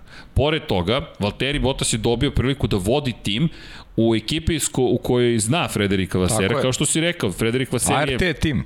Vodio te, te on je ostao ko osnivač te ekipe i zajedno su sarađivali i, i osvajanje titule za Valterija Bottas u Grand Prix 3 serije bio njegov najveći do sada i jeste ostao najveći njegov dosadašnji uspeh po pitanju titula. Pobede u Formuli 1 su veće od toga, ali titula poslednja je osvojena tada. Nije mala stvar bila, pa ja se sećam se, verujem da se ti sećaš Deki isto te sezone. Mi smo komentarisali, A kako pričali smo, Deki, sećam. Da, I to je godina kada smo svi gledali Varterija, Finac je nekako možda imao slabu tačku prema Fincima i prvi deo sezone bio veoma loš. I onda dolazi taj drugi deo sezone gde on sve preokreće u svoju korist i preskače prosto Grand Prix 2 seriju, on odlazi da bude probni vozač u Formuli 1, dobio napređenje u Williams i on čovek se sjajno snašao pored Filipea Masa u Williamsu. Jeste. Pa On je rame uz rame bio sa Filipeom, Pa ako ne i bolji. Ako ne i bolji. I mi smo gledali ozbiljne duele čak i sa Kimim Raikkonenom u, to, u tim godinama u Ferrari, on u Williamsu, setimo se Rusije, Soči, to je bio ozbiljan duel, duel za pobjednička postolja. Valtteri je zaista bio na visokom nivou i njegovo dovođenje u Mercedes nije bilo toliko čudno iz perspektive snage A ni vozača. najmanje, ni najmanje. Ali- A mi smo, naj... zašto smo mi kritični prema njemu? Pa upravo zbog ovog što si ti naveo sada. Zato što je to jedan vrlo talentovan, kvalitetan vozač. Jeste. E, zato smo imali taj kritički stav. Ne možda imaš kritički stav prema nekom koga, od koga ne očekuješ ništa. Pa, Naprotiv, nego ni kad... ne primećuješ. Tako je, kad, kad u nekog imaš očekivanje, kad znaš da je dobar, a on to ne pokazuje, da li je sprečen, pa. da li se on nije nametnuo kao osoba koja možda se izbori poput Nika Rosberga, prosto nije imao ni podršku unutar ekipe i to je, to je činjenica. Izvi- Samim ti što si rekao da je potpisio ugovor na godinu dana i to je pokazatelj koliko ga je negde Mercedes vrednovao. Vidi, ja bih se ja bih se osvrnuo na čoveka koga sam slučajno spomenuo tokom ovog preno, prenosa. Oho, tokom ovog Opa, podcasta, opa, dobro. dobro. Prebacili smo se pa prenosili A smo prenos, malo. pa i ovo je pre- prenos, imali ide idu u pre- live-u, i ovo ide u live-u, Pa da. da, ali to je Heikki Kovalainen, još jedan finac. On je vozio sa Hamiltonom dve godine u McLarenu. Hamilton je beležio pobede. Heikki je zabeležio jedan pobedu. Jeste velika nagrada Mađarske, pamti se, ali Heikki se nije nikada nametnuo. Bottas je imao pobede, imao je situacije bio je bolji bio drugi vozač od Bottasa. Bio je bolji drugi, pa, pa, pa, bio, da. pa da. I ti sada pogledaš, Bottas je puštao Hamiltona da pobedi, dakle on je mogao i više da ostvari. Tako da Bottas ima brzinu.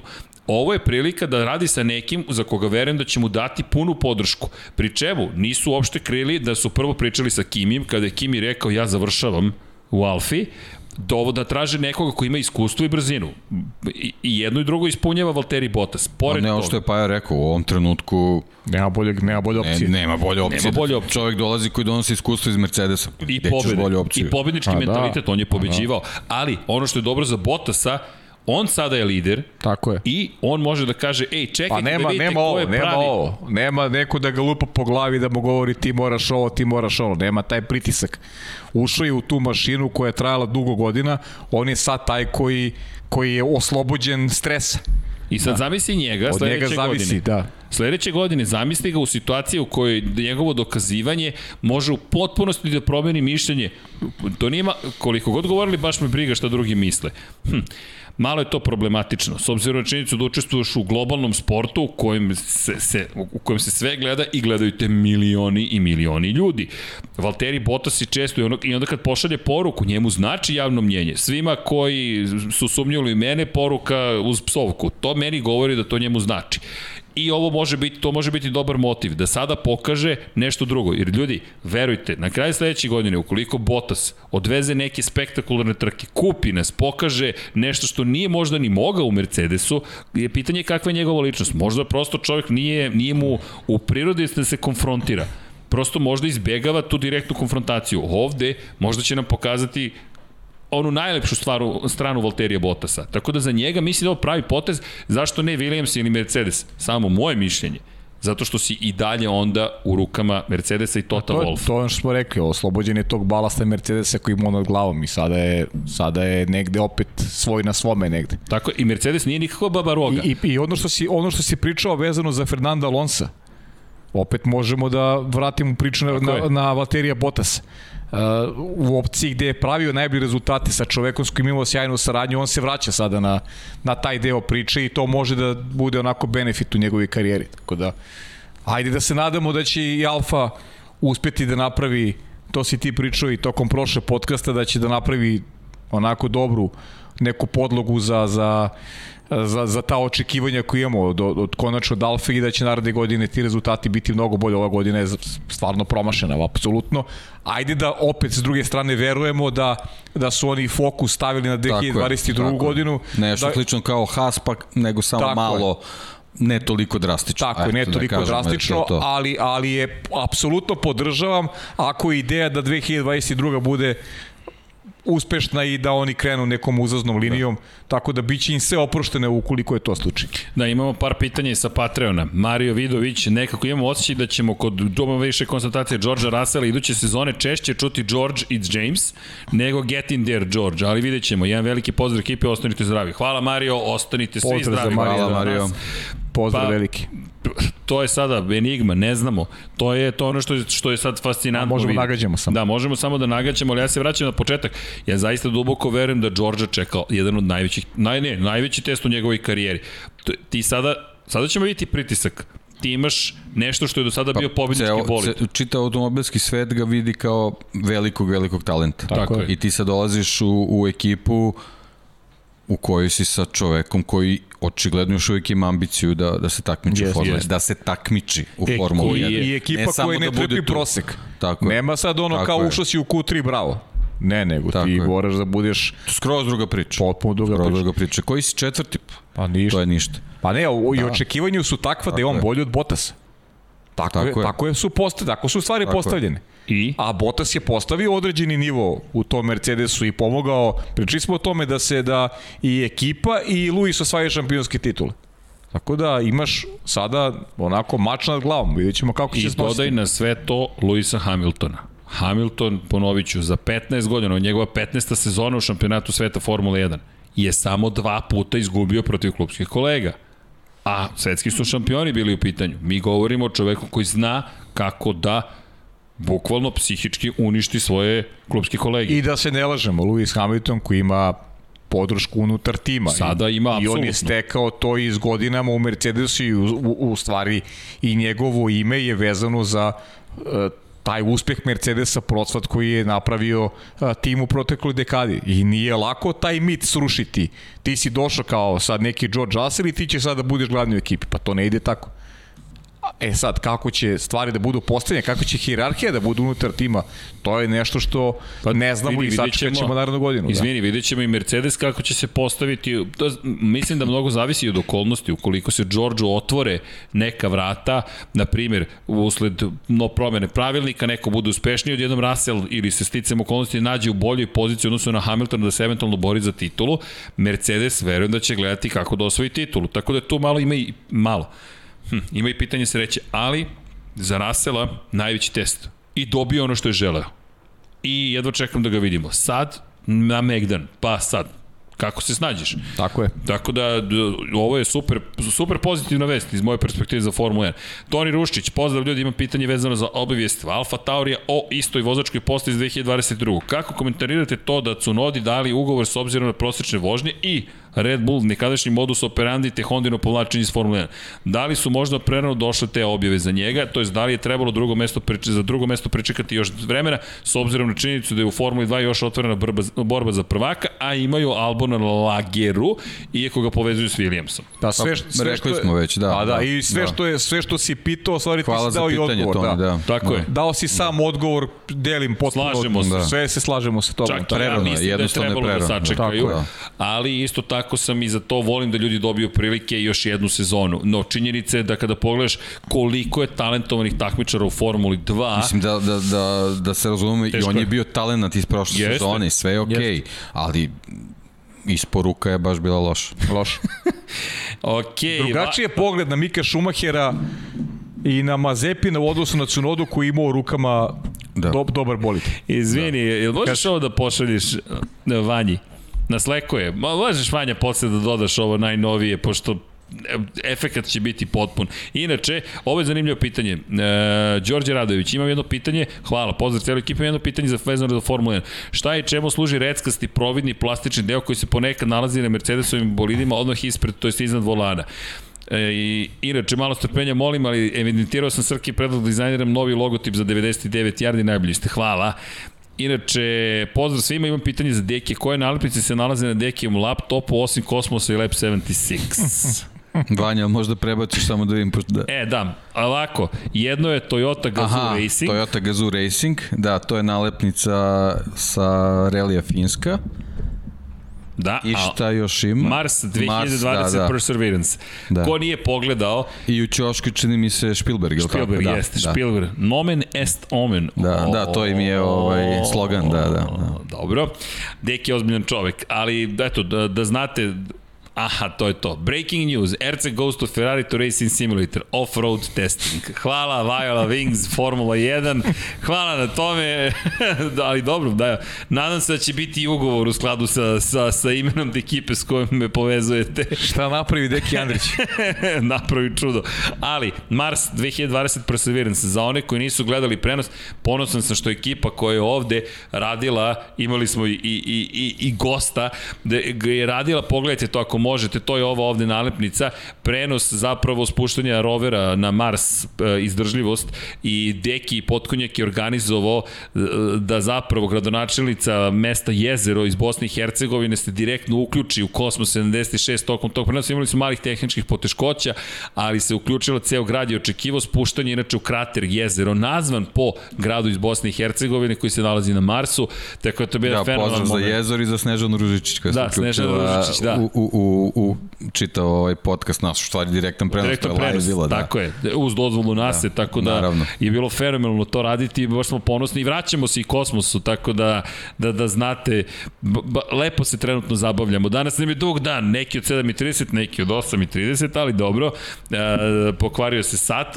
polako, deki, tek, tek smo u 15. satu rada. Ja krećem polako, nije ali Monca te je prevarila, ostao si duže. Da, tu Probio si termin. ne, ne, imao je, imao je. A ne, pazi, on je onako računa okay. po britanskom vremenu, znaš. da, da, ja, da, da. Njemu i Monza da. počinje u 14.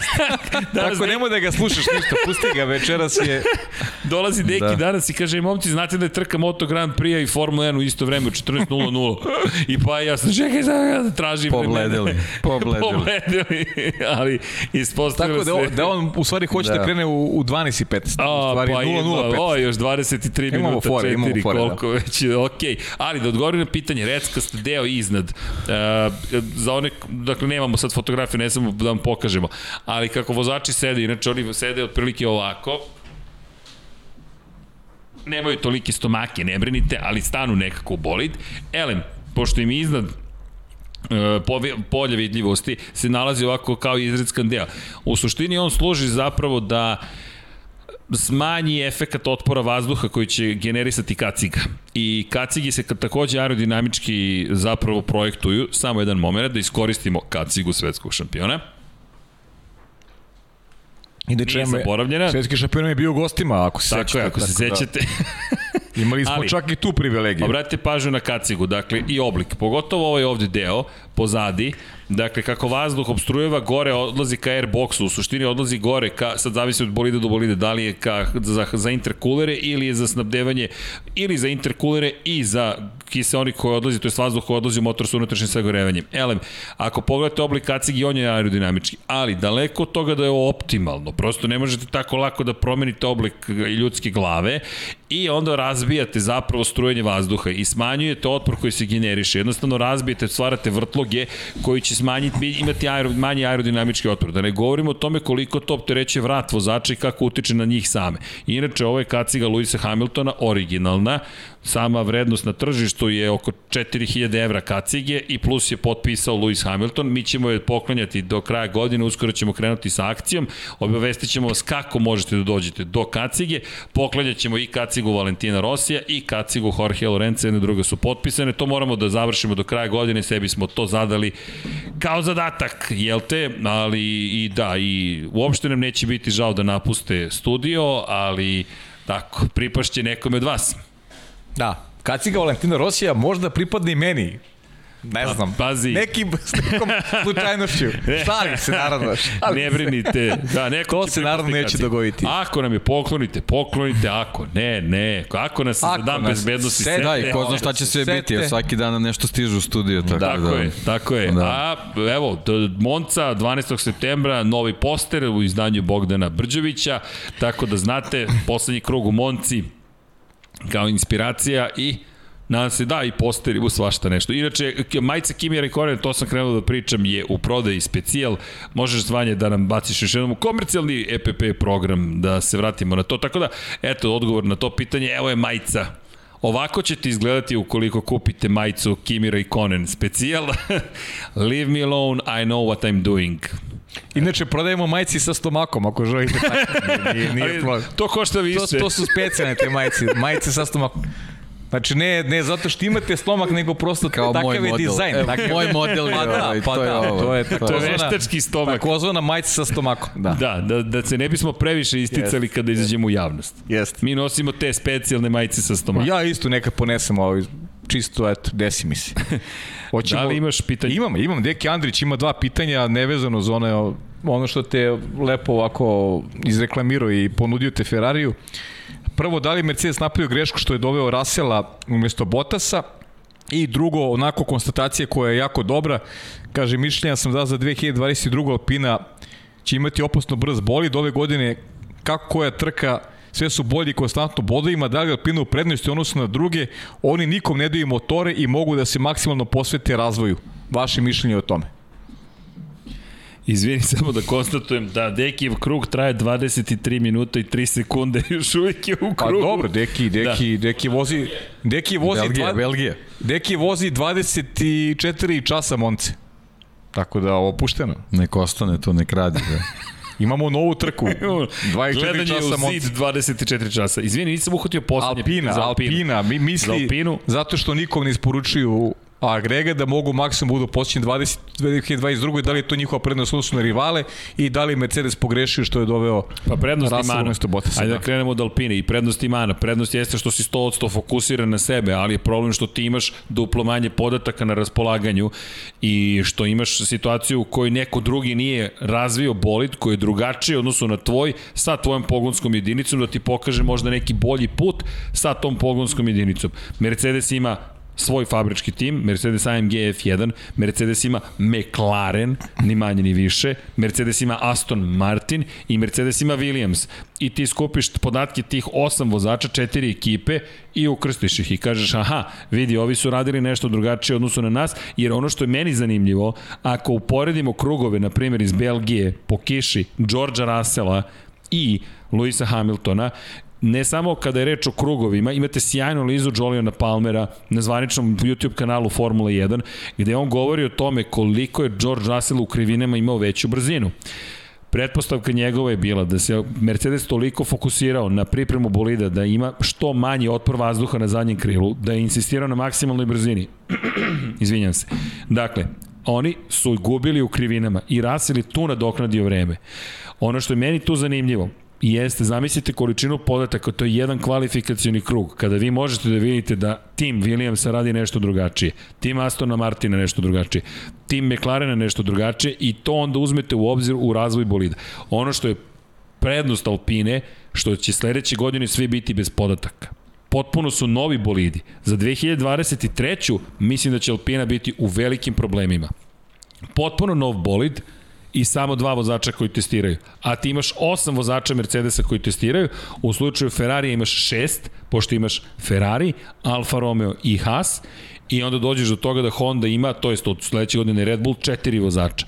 Tako da si ti u najgorem položaju. Fokus, da, jeste tvoj apsolutni, ali podaci, a živimo u vremenu kada se ljudi oslanjaju ponekad čak i previše na podatke, jer neke stvari još uvek nismo uspeli da kvantifikujemo, pitanje da li ćemo ih ikad i uspeti, ne ulazim u neku sad metafiziku ili meta razgovor, ali prosto u kontekstu toga da ti pokušaš da kvantifikaš osjećaj koji vozač ima, to je vrlo, vrlo teško. Eto, sam my two cents. Što se tiče Mercedesa i izbora Georgea Russella... Pa dobro, to smo manje više, većina, većina je to. Ovako pita da. Emanuel Cetinić takođe e, se uključio u tu, u tu diskusiju, da li su uzeri Rasela da li će Mercedes dopustiti Russellu da pobeđuje Luisa i on misli da će Bota sigurno oživiti karijeru u Alfi. Pa zavisi, i to je to. ali samo da se da dotaknemo još jednom Alfe. Ko dolazi u Alfu? I od toga mnogo zavisi. I šta pa, će dobro, Alfa da. da pruži vozača? Pa da, Tako naravno. je. Ogroman skok to treba da bude. Da, da je baš mnogo velik skok. Aj, pričali smo o tome Russellu, ni sigurno mu neće biti otvorena vrata u smislu dobro došao dečko, ti će sad budeš glavni. Ne, ti imaš za rivala sedmostrukog ili osmostrukog šampiona, vidjet ćemo šta Ljudi. će biti u tekućoj godini, tako da posao mu neće biti ni malo laki i, i pitanje je kako menadžment Mercedesa razgovara Rasela na, na račun njegovih vožnji, šta se očekuje generalno njega u, u, u narednoj godini. To je nešto što mi trenutno e, ne znamo, ali će nam pokazati trke. To je mnogo bitno i ima, ima još jedna stvar kada je reč o Georgeu Russellu, da nemojmo zaboraviti. A, hajde ovako. Prvo, ko kaže da će Russell da odrađuje tako kvalitetan posao kao što gradi Bottas? To je popuno sada jedna nepoznata teritorija za njega. Ok, oduševio nas se sve s kraja prošle godine, odradio jednu perfektnu trku, nije sporno, ima brzinu, talentovan je, ali ti sad treba da imaš kontinuitet u jednoj velikoj ekipi. To je, to je sad jedan apsolutno drugačiji segment priče. I vidjet ćemo kako će pa se on u, to, u, u tome snaći. Ja. I, druga stvar, da li će Mercedes biti dovoljno dobar je, i naredni moj, moj, moje glavno razmišljanje oko George'a Russella je što je on imao dosta vozačkih grešaka. Jeste. To Činjenica. Mercedes ne trpi. Tako je. Tako Činjenica. da to je ključna stvar na kojoj on mora da, da poradi od, od samog početka tamo, znači upravo to što si rekao, kontinuitet koji, uh, koji ne, nije samo kontinuitet vezan za recimo konkretno završavanje trka, već kontinuitet koji je vezan za osvajanje dobrih pozicija. Tako je. A sa, sa nekim greškama koje smo videli u prošlosti, to ne tako dalekoj prošlosti, uh, o, to, je, to je stvar oko koje on mora se zabrine i mora da poradi Bravo, na tome. to je to.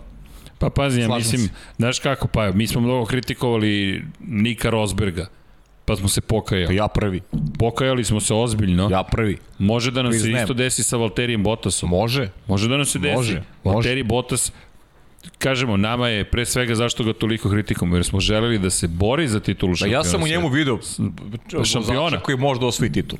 Ali i to ja mislim da smo čak lično shvatili. Znamo da možeš bolje. Jes, jes, sigurno. To je agonija. Kad vidiš da može bolje, ali prosto ili ne može. To je možda njegov maksimum, ne vozački već sportski. A pazi, Jer to nije samo vožnja, nego kako podnosiš pritisak. Me, me, mene sad neko da pita opet Bottas ili Rosberg, ja dižem dva prsta za Bottas. Ja dižem dva prsta za Bottas. I, I time je moje neko razočaranje veće zbog toga što Bottas nije uspeo da ili sam da pronađe način da se da se uključi u bitku sa Lewisom Hamiltonom ili što nije imao dovoljnu podršku unutar Mercedesa koji možda Da, mislim imao. da to bilo nemoguće. On je jednostavno bio deo tog programa i imao je poziciju u tom programu i to je to. Samo je tako moglo da se funkcioniše zato što se Mercedes opekao sa Rosbergom. Da, Da, Znamo je i sami šta je Da, bilo to i, i to je to. Jednostavno da bi uradili Tražili to što su su želeli, tražili su tako je. Znači ta puzla je morala da bude složena i nema, nema na jednoj poziciji je je samo jedno, ono, ne, ne možeš više onih komadića da imaš. Ali ima, I to je po to. mom mišljenju, Po još jedna stvar, a to je George Russell, verujem da nije bio bez ponuda. I ako mu ti sada ne ponudiš nešto vredno ostanka I- u taboru. Mercedesa I i kažeš Da, ne "Ej, smo zaboravimo, on je već dugo godina u Mercedesu, nije on, Tako je. nije I- on i- prošle godine se tu pojavio. On je juniorski da. vozač, to ne smemo da zaboravimo, to ne smemo da zaboravimo. Da, dakle, hvala Vanja. I, I sad imamo sledeću situaciju, a to je da on je dugo tu i ti mu i dalje govoriš ostaješ u B ekipi, C ekipi, kako god. Zašto George Russell Pa, sutra... C ekipi, McLaren je ipak Moje mišljenje mnogo da bolje C pri tam, pritom tamo je još jedan britanski vozač isto mlad i talentovan, tako da Russell nije bio baš u zavidnoj poziciji. Tako je, i ti mu sad kažeš, na primjer, da, su, da ga nisu doveli, ostani u C ekipi. Njegov menadžer, ako ne zove Ferrari, McLaren, Alpinu, on ne radi svoj posao. Red Bull, evo dodaje Don Pablo, ne radi svoj posao. I ti sada kažeš, ok, mi ćemo da zovemo, zovemo, zovemo, zovemo. I u jednom momentu će neko da kaže, ok, mi želimo George Russell. Konačno, ako je istina ovo za Albona, Red Bull lobira, inače Christian Horner se oglasio po pitanju Wolfove te izjave da, da treba da raskrsti sa Red Bullom i rekao ne znam zašto se Wolf meša u naše odnose, u našu želju da nađemo mesto za Alexa Albona, opet ta veza sa Jostom Kapitom, kao što si lepo rekao, i Red Bullom. Zašto se Toto Wolf u to meša? Zato što se vi mešate u njegov posao, jer to je njegova A ne bi se mešao da vi niste otpustili Albona, tako da Tako čuti da. i radi svoj posao. Tako Pa je. da. Ali lepo je pričati, onako, to je onako A, talasanje i super je, to je Jeste, skroz okej. Jeste, ali čisto I da to je konstatujemo- Hollywood neki. I, Tako jeste da je Hollywood. okej. I ono što je tu bitno, da, bo- zaista mislim napomenuti, da nisu potpisali sa Russellom, možda bi ga izgubili. Pa to što i Dorijan tiče kaže, eto, ne čitam njegovo pitanje, prosto nadovezuje se i upravo je.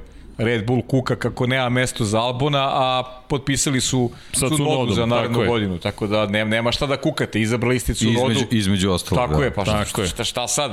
Znači, vama je Tsunoda, za, za vaše neke kriterijume Tsunoda je važniji od Albona, pa okej, okay, znači Albon I sad Toto Wolff je kriv što nema mesta, nema mesta za Albonu Albona, da. Williamsu, mislim.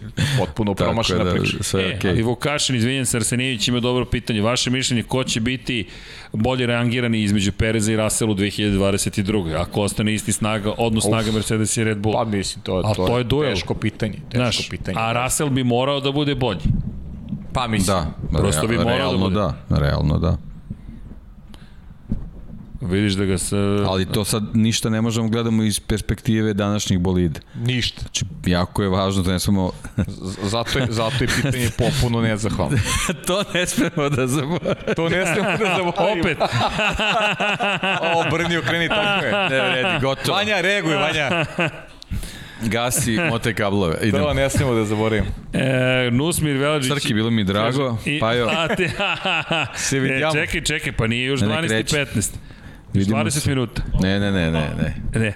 Idemo. Dosta je bilo. Gde? Pa idemo, nemam pojma, idemo se zabavljamo. Evo, daj nam još bilo. 5 minuta da se Ajde, odjavi. ajde, ajde, ajde, daj, evo, sad, da, da Ajde, popunimo 3 ajde, sata. Ajde, 3 sata, ajde. I tako dalje. Srki je zacrtao 3 sata i znaš da nema tu, nema dalje. Da, inače Bojan Mijatović kaže da probam još jednom. Da li ste pročitali ono glasine da Renault traži partnera u vidu novog tima na gridu potencijalno? Ne znam da li je to iko spominjao do sada. Pa Renault nije prestao da traži. Pa da li, ja ne znam ne gde, možda naj- gde, Otvorili su vrata Da, svugde, da. E, ali tu se Renault našao u jednoj nezahvalnoj situaciji. Ovo je prelazna godina i Renault nije izgledao tako dobro. Ne zaboravite, Renault je pre dve godine bio u veoma lošem stanju. McLaren je nekako iz- izvukao Renault dobrim partijama, jednostavno izvukao na neki način, ali Ricardo je stigao 2019. godine u ekipu da naprave čudo. Čudo se nije desilo. Red Bull je već prekinuo saradnju sa Renaultom uz o, pregršt kritika na, na račun francuskog proizvođača. Renault sam nije, nije baš bio toliko iza celog projekta. Te staje, te nestaje, te ne znamo šta će se desiti, hoće se desiti, neće se desiti. Ricardo potom odlazi, Cyril Abitebul gubi poverenje upravnog odbora. To Opravdano. Su, opravdano, to su sve problemi. Dovode Davida, Briv, Davida Brivija iz MotoGP iz, iz Suzuki-a, angažuju Fernanda Alonso, rebrandiraju se kao Alpina i počinje jedan novi period. Ali u tom momentu je već kasno. McLaren se fokusirao na Mercedes. Ne zaboravite da su ova pravila koje nastupaju na snagu 2022. trebalo da stupe 2021. Timovi su se već na početku 2020. pre covid i pandemije pripremali za potpuno novu eru već ove godine. Tako da su oni u 2019. razmišljali o 2021. godini, ne o 2022. I onda su došli u situaciju da niko suštinski nije hteo sa Renault. McLaren je hteo s Mercedesom u novu eru da uđe, samo što je era odložena je za jednu sezonu. I Renault se tu našao u jednom nezavidnom položaju, gde ove godine sigurno niko nije htio da menja, M troškovi, M A, COVID, M nova era, nema da, promena. Ni na vidiku nije da će se pojaviti u budućnosti neki novi tim. Tako je. Dakle, oni Tako samo da... mogu da privole neku ekipu u svoje redove. Koju ekipu mogu da privole? Ajmo da pogledamo. Aston Martin, nema šanse. Mercedes je suvlasnik u Aston Martinu.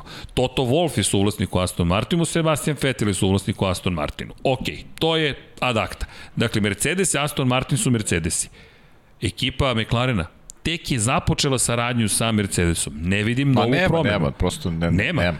Williams, možda. Možda. Eto, to je možda. Dakle, imamo jednu ekipu Williams. Hoćemo da vidimo Ferrarijeve. Ferrari, Ferrari, Ferrari. Dakle, ajmo broj 1, Ferrari, Ferrari. Alfa Romeo, Samo ova, ime, samo ime samo govori, ime govori da je malo čudno da... Da se promeni u da. Mercedes ili Renault ili Alpinu ili šta god. Pa I zatim, pre, dobro, pre bi bilo neki zaober Mercedes u nekoj suludoj kombinaciji, ali, ali... Ali Alfa Romeo je rekla, mi ćemo da investiramo u Tako Formulu je. 1 i Tako robnu je. marku ćemo da dižemo kroz uspehe u Formuli 1. Alfi je velik projekat Formula 1. Oni su angažovali nove ljude u svojoj fabrici, ne bili uspeli sa projektom Formula 1. Tako da, mi očekujemo sada narednih 5 godina zapravo da bude ovo, ovo posvećenost Formuli 1. Onda treća stavka, Haas. Haas, da li želi Renault da se rađuje sa Haasom? Da se otvori situacija? Pa mislim da trenutno niko ne želi da se rađuje To je glavobolja trenutno. Možda jednog dana, ali Haas je suviše blizak Ferrariju takođe. Da, on je, no, mislim, Ferrari je postavio temelje neke. Jeste. Pa i Ferrari očekuje tu i taj napredak. Ima pitanje, Mohamed Hajdari pita da li recimo Ferrari, Haas, tačnije Mik Schumacher, može se okupi ekipa oko Mika Schumachera koja će da ga protežira maksimalno u Haasu, ali ja mislim da zavisi... da, da je ideja pre svega ono što je rekao Binoto, da jednog dana pronađu mesto Miku Schumacheru u Ferrariju i kada će se to dogoditi i da li će se dogoditi zavisi od, od mnogo faktora. Pa, da imamo i... kakav će pre svega biti Ferrari naredne godine. Ajmo ovako, 2020. i, i, i druga godina, ko zna ko će tu da ispliva ljudi. Mi, ne, pa, mi ne, zaista nemamo predstavu nikakvu. Ljudi, Šta? mi pratimo bitku Mercedesa i, i Mercedes i Red Bulla. Možda, možda to iskoriste Ferrari i McLaren, možda Ferrari i McLaren naredne godine budu bili dovoljno dobri da se umešaju u borbu za šampionsku titulu. I to bi bilo zaista super da se dogodi, ali ajde, vidjet ćemo.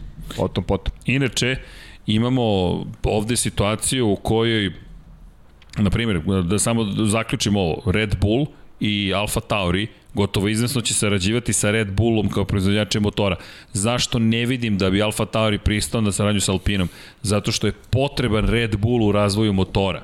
Tako da, jedina ekipa koju ja vidim da bi mogla da se pridruži Alpini, to je Renault je Williams. I tu postoje veze istorijske, ali to niko ne zna, ono što je Deki rekao, Jost Capito, koji ima bliske veze sa Volkswagen grupacijom. Da li on čeka 2026. zapravo?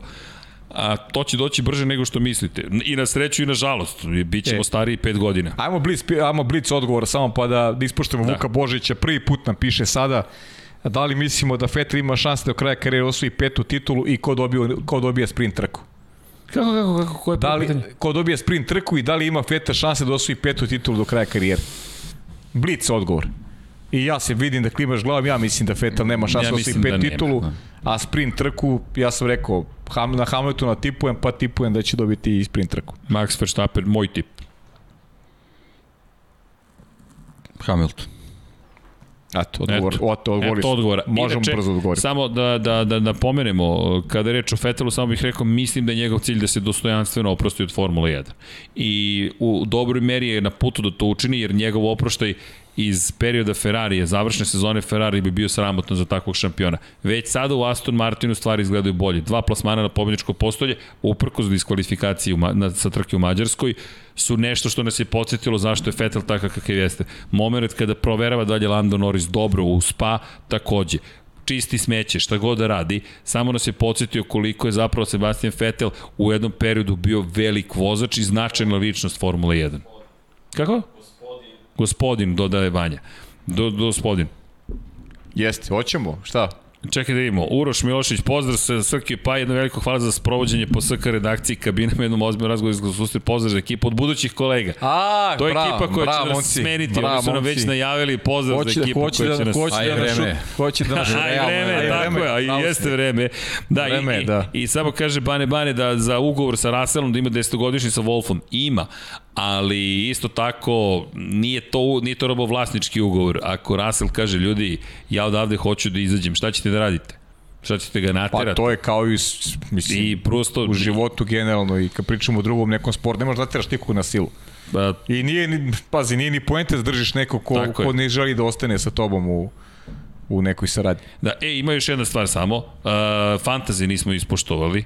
Samo ovde molba, molim vas samo fantazi. Aj ti nađi fantazi, ja ću samo da kostam, ono Boris me podsjetio Trutin, počne play-off u Naskaru i pobeda Danija, Denija Hamlina, on je, i eto, čovjek pobedio prvi put ove sezone u play-offu, obezbedio već ulazak među 12 najboljih, iskusan vozač, pobe, pobeđuje kad treba, odlična trka je bila i naredna runda, naravno, pratite pratite sledećeg vikenda kada imamo i MotoGP, Formulu 1, NASCAR takođe se nastavlja I uživanje. Čekaj, samo da napomenem, zvanična liga Lab 76. Ajmo da, da, da ubacimo. Da vidimo gde smo u celoj priči. Opa, Aleksandar N. Mazite se, pazite se F1 tim. Bravo Aleksandre, to je prava ekipa. Čovjek je 266 poena osvojio za. To je zbog, zbog naziva 2520. Nikola O, Nikola Tim 1, pozicija broj 2, 2507 poena, pa daj nam mečku da se igramo, Stefan P, 2490. Ček da vidim. mečku se igramo. Pa, da, pa vidiš, to, to je ta maštovitost. Čekaj da vidimo koji je izbor ovde ekipa, malo mi teže ovo ide, dobro, ali dobro, e, treća pozicija Stefan B, četvrti je Vlada 22, 2486,5 poena i tih pola poena su za let, u, u prednost u odnosu na letećeg man, manga. Đorđe Š, Nikola Dudić je šesti, Dino Team 1 je sedmi, Mr. Larbo Lights Out AAVG je na poziciji 8, Kimis Hobby 9 i Momčilo Team Det opa, momčilo je na poziciji broj 10, ali ovde neki još imaju mega drivere, Stefan, Dragan, Đorđe, Leri, Nemanja i momčilo imaju od vodećih, ima tu Stefanov leteći Cirkus, Igor Team 1, i Jolo, 13 Racing V1, Tarik, Miroslav Team, opa, o, vodka Red Bull iz Amerike, mada bio je među vodećih 10, deki, koji si ti?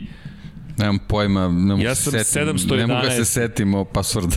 ja sam 711. Pokušao sam, ja sam 711. Pronaći ću, pa ja sam 924. Od koliko takmičara? Dobro. Nije, nije, možda sam, sad sam možda bio okej. Okay. Od hiljadu, a? Pa bio dobro, sam okej. Okay, ja čekam poslednju trećinu sezone. A naravno, pa ti. Tad ide veliki Zav, comeback. Završnica je tvoja. Penješ se na visoko 593. metra. Završnica je ključna. Završnica I, je da ključna. citiram mog dragog prijatelja i kolegu Peđu Juriševića, nije bitno kako počneš, već kako završiš. To je Peđa rekao. Tako je. Tako A vreme je da se razvijemo. da se završi. da. ne kako smo pa 23, 15. pa da. Ali, počeli smo onako kako ćemo i završiti, dragi ljudi. Lab 76, broj 126, koji je zbog Dom Pabla postao 127, jer je 126 je već bio posvećen Daniju Pedrosi i velikom samuraju, malom samuraju velikog srca. Broj 127 je trebalo da bude, ali onda je Deki rekao specijal o Casey Stoneru, te je ovo postao Lab 76 broj 128, u kojoj kojem ste, ja se nadam, uživali u analizi trke u Zandvortu, istorijskoj trci, nadam se da ste uživali i u najavi Monce, nadam se da ste uživali u pričama o tračevima, E, a sutra hoću da informacijama, sutra vestima. ovinjali su mi pričali obavest. Ovinjale su, najavljamo odmah, Lab Oba, 76, e, broj oba da 129, deki se raduje u to ime.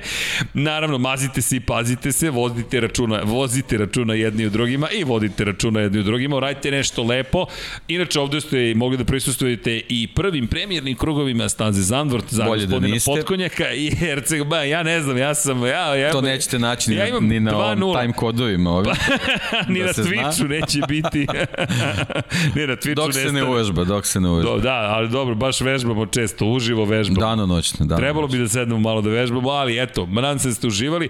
Tu nam je jedan od naših pokrovitelja sa Patrona. Udrite like, udrite subscribe, pošaljite 917 na 3030, pošaljite Human 917 na 455 ukoliko ste u Švajcarskoj, gde god da ste, volite se, mazite se, pazite se. Uživajte u trkama. Tako je, uživajte u trkama, pozo- pozovite nekog koga volite, recite im da ih volite, pošaljite im neku zabavnu lepu poruku, nešto Nemoj tako se nežno. sekirati.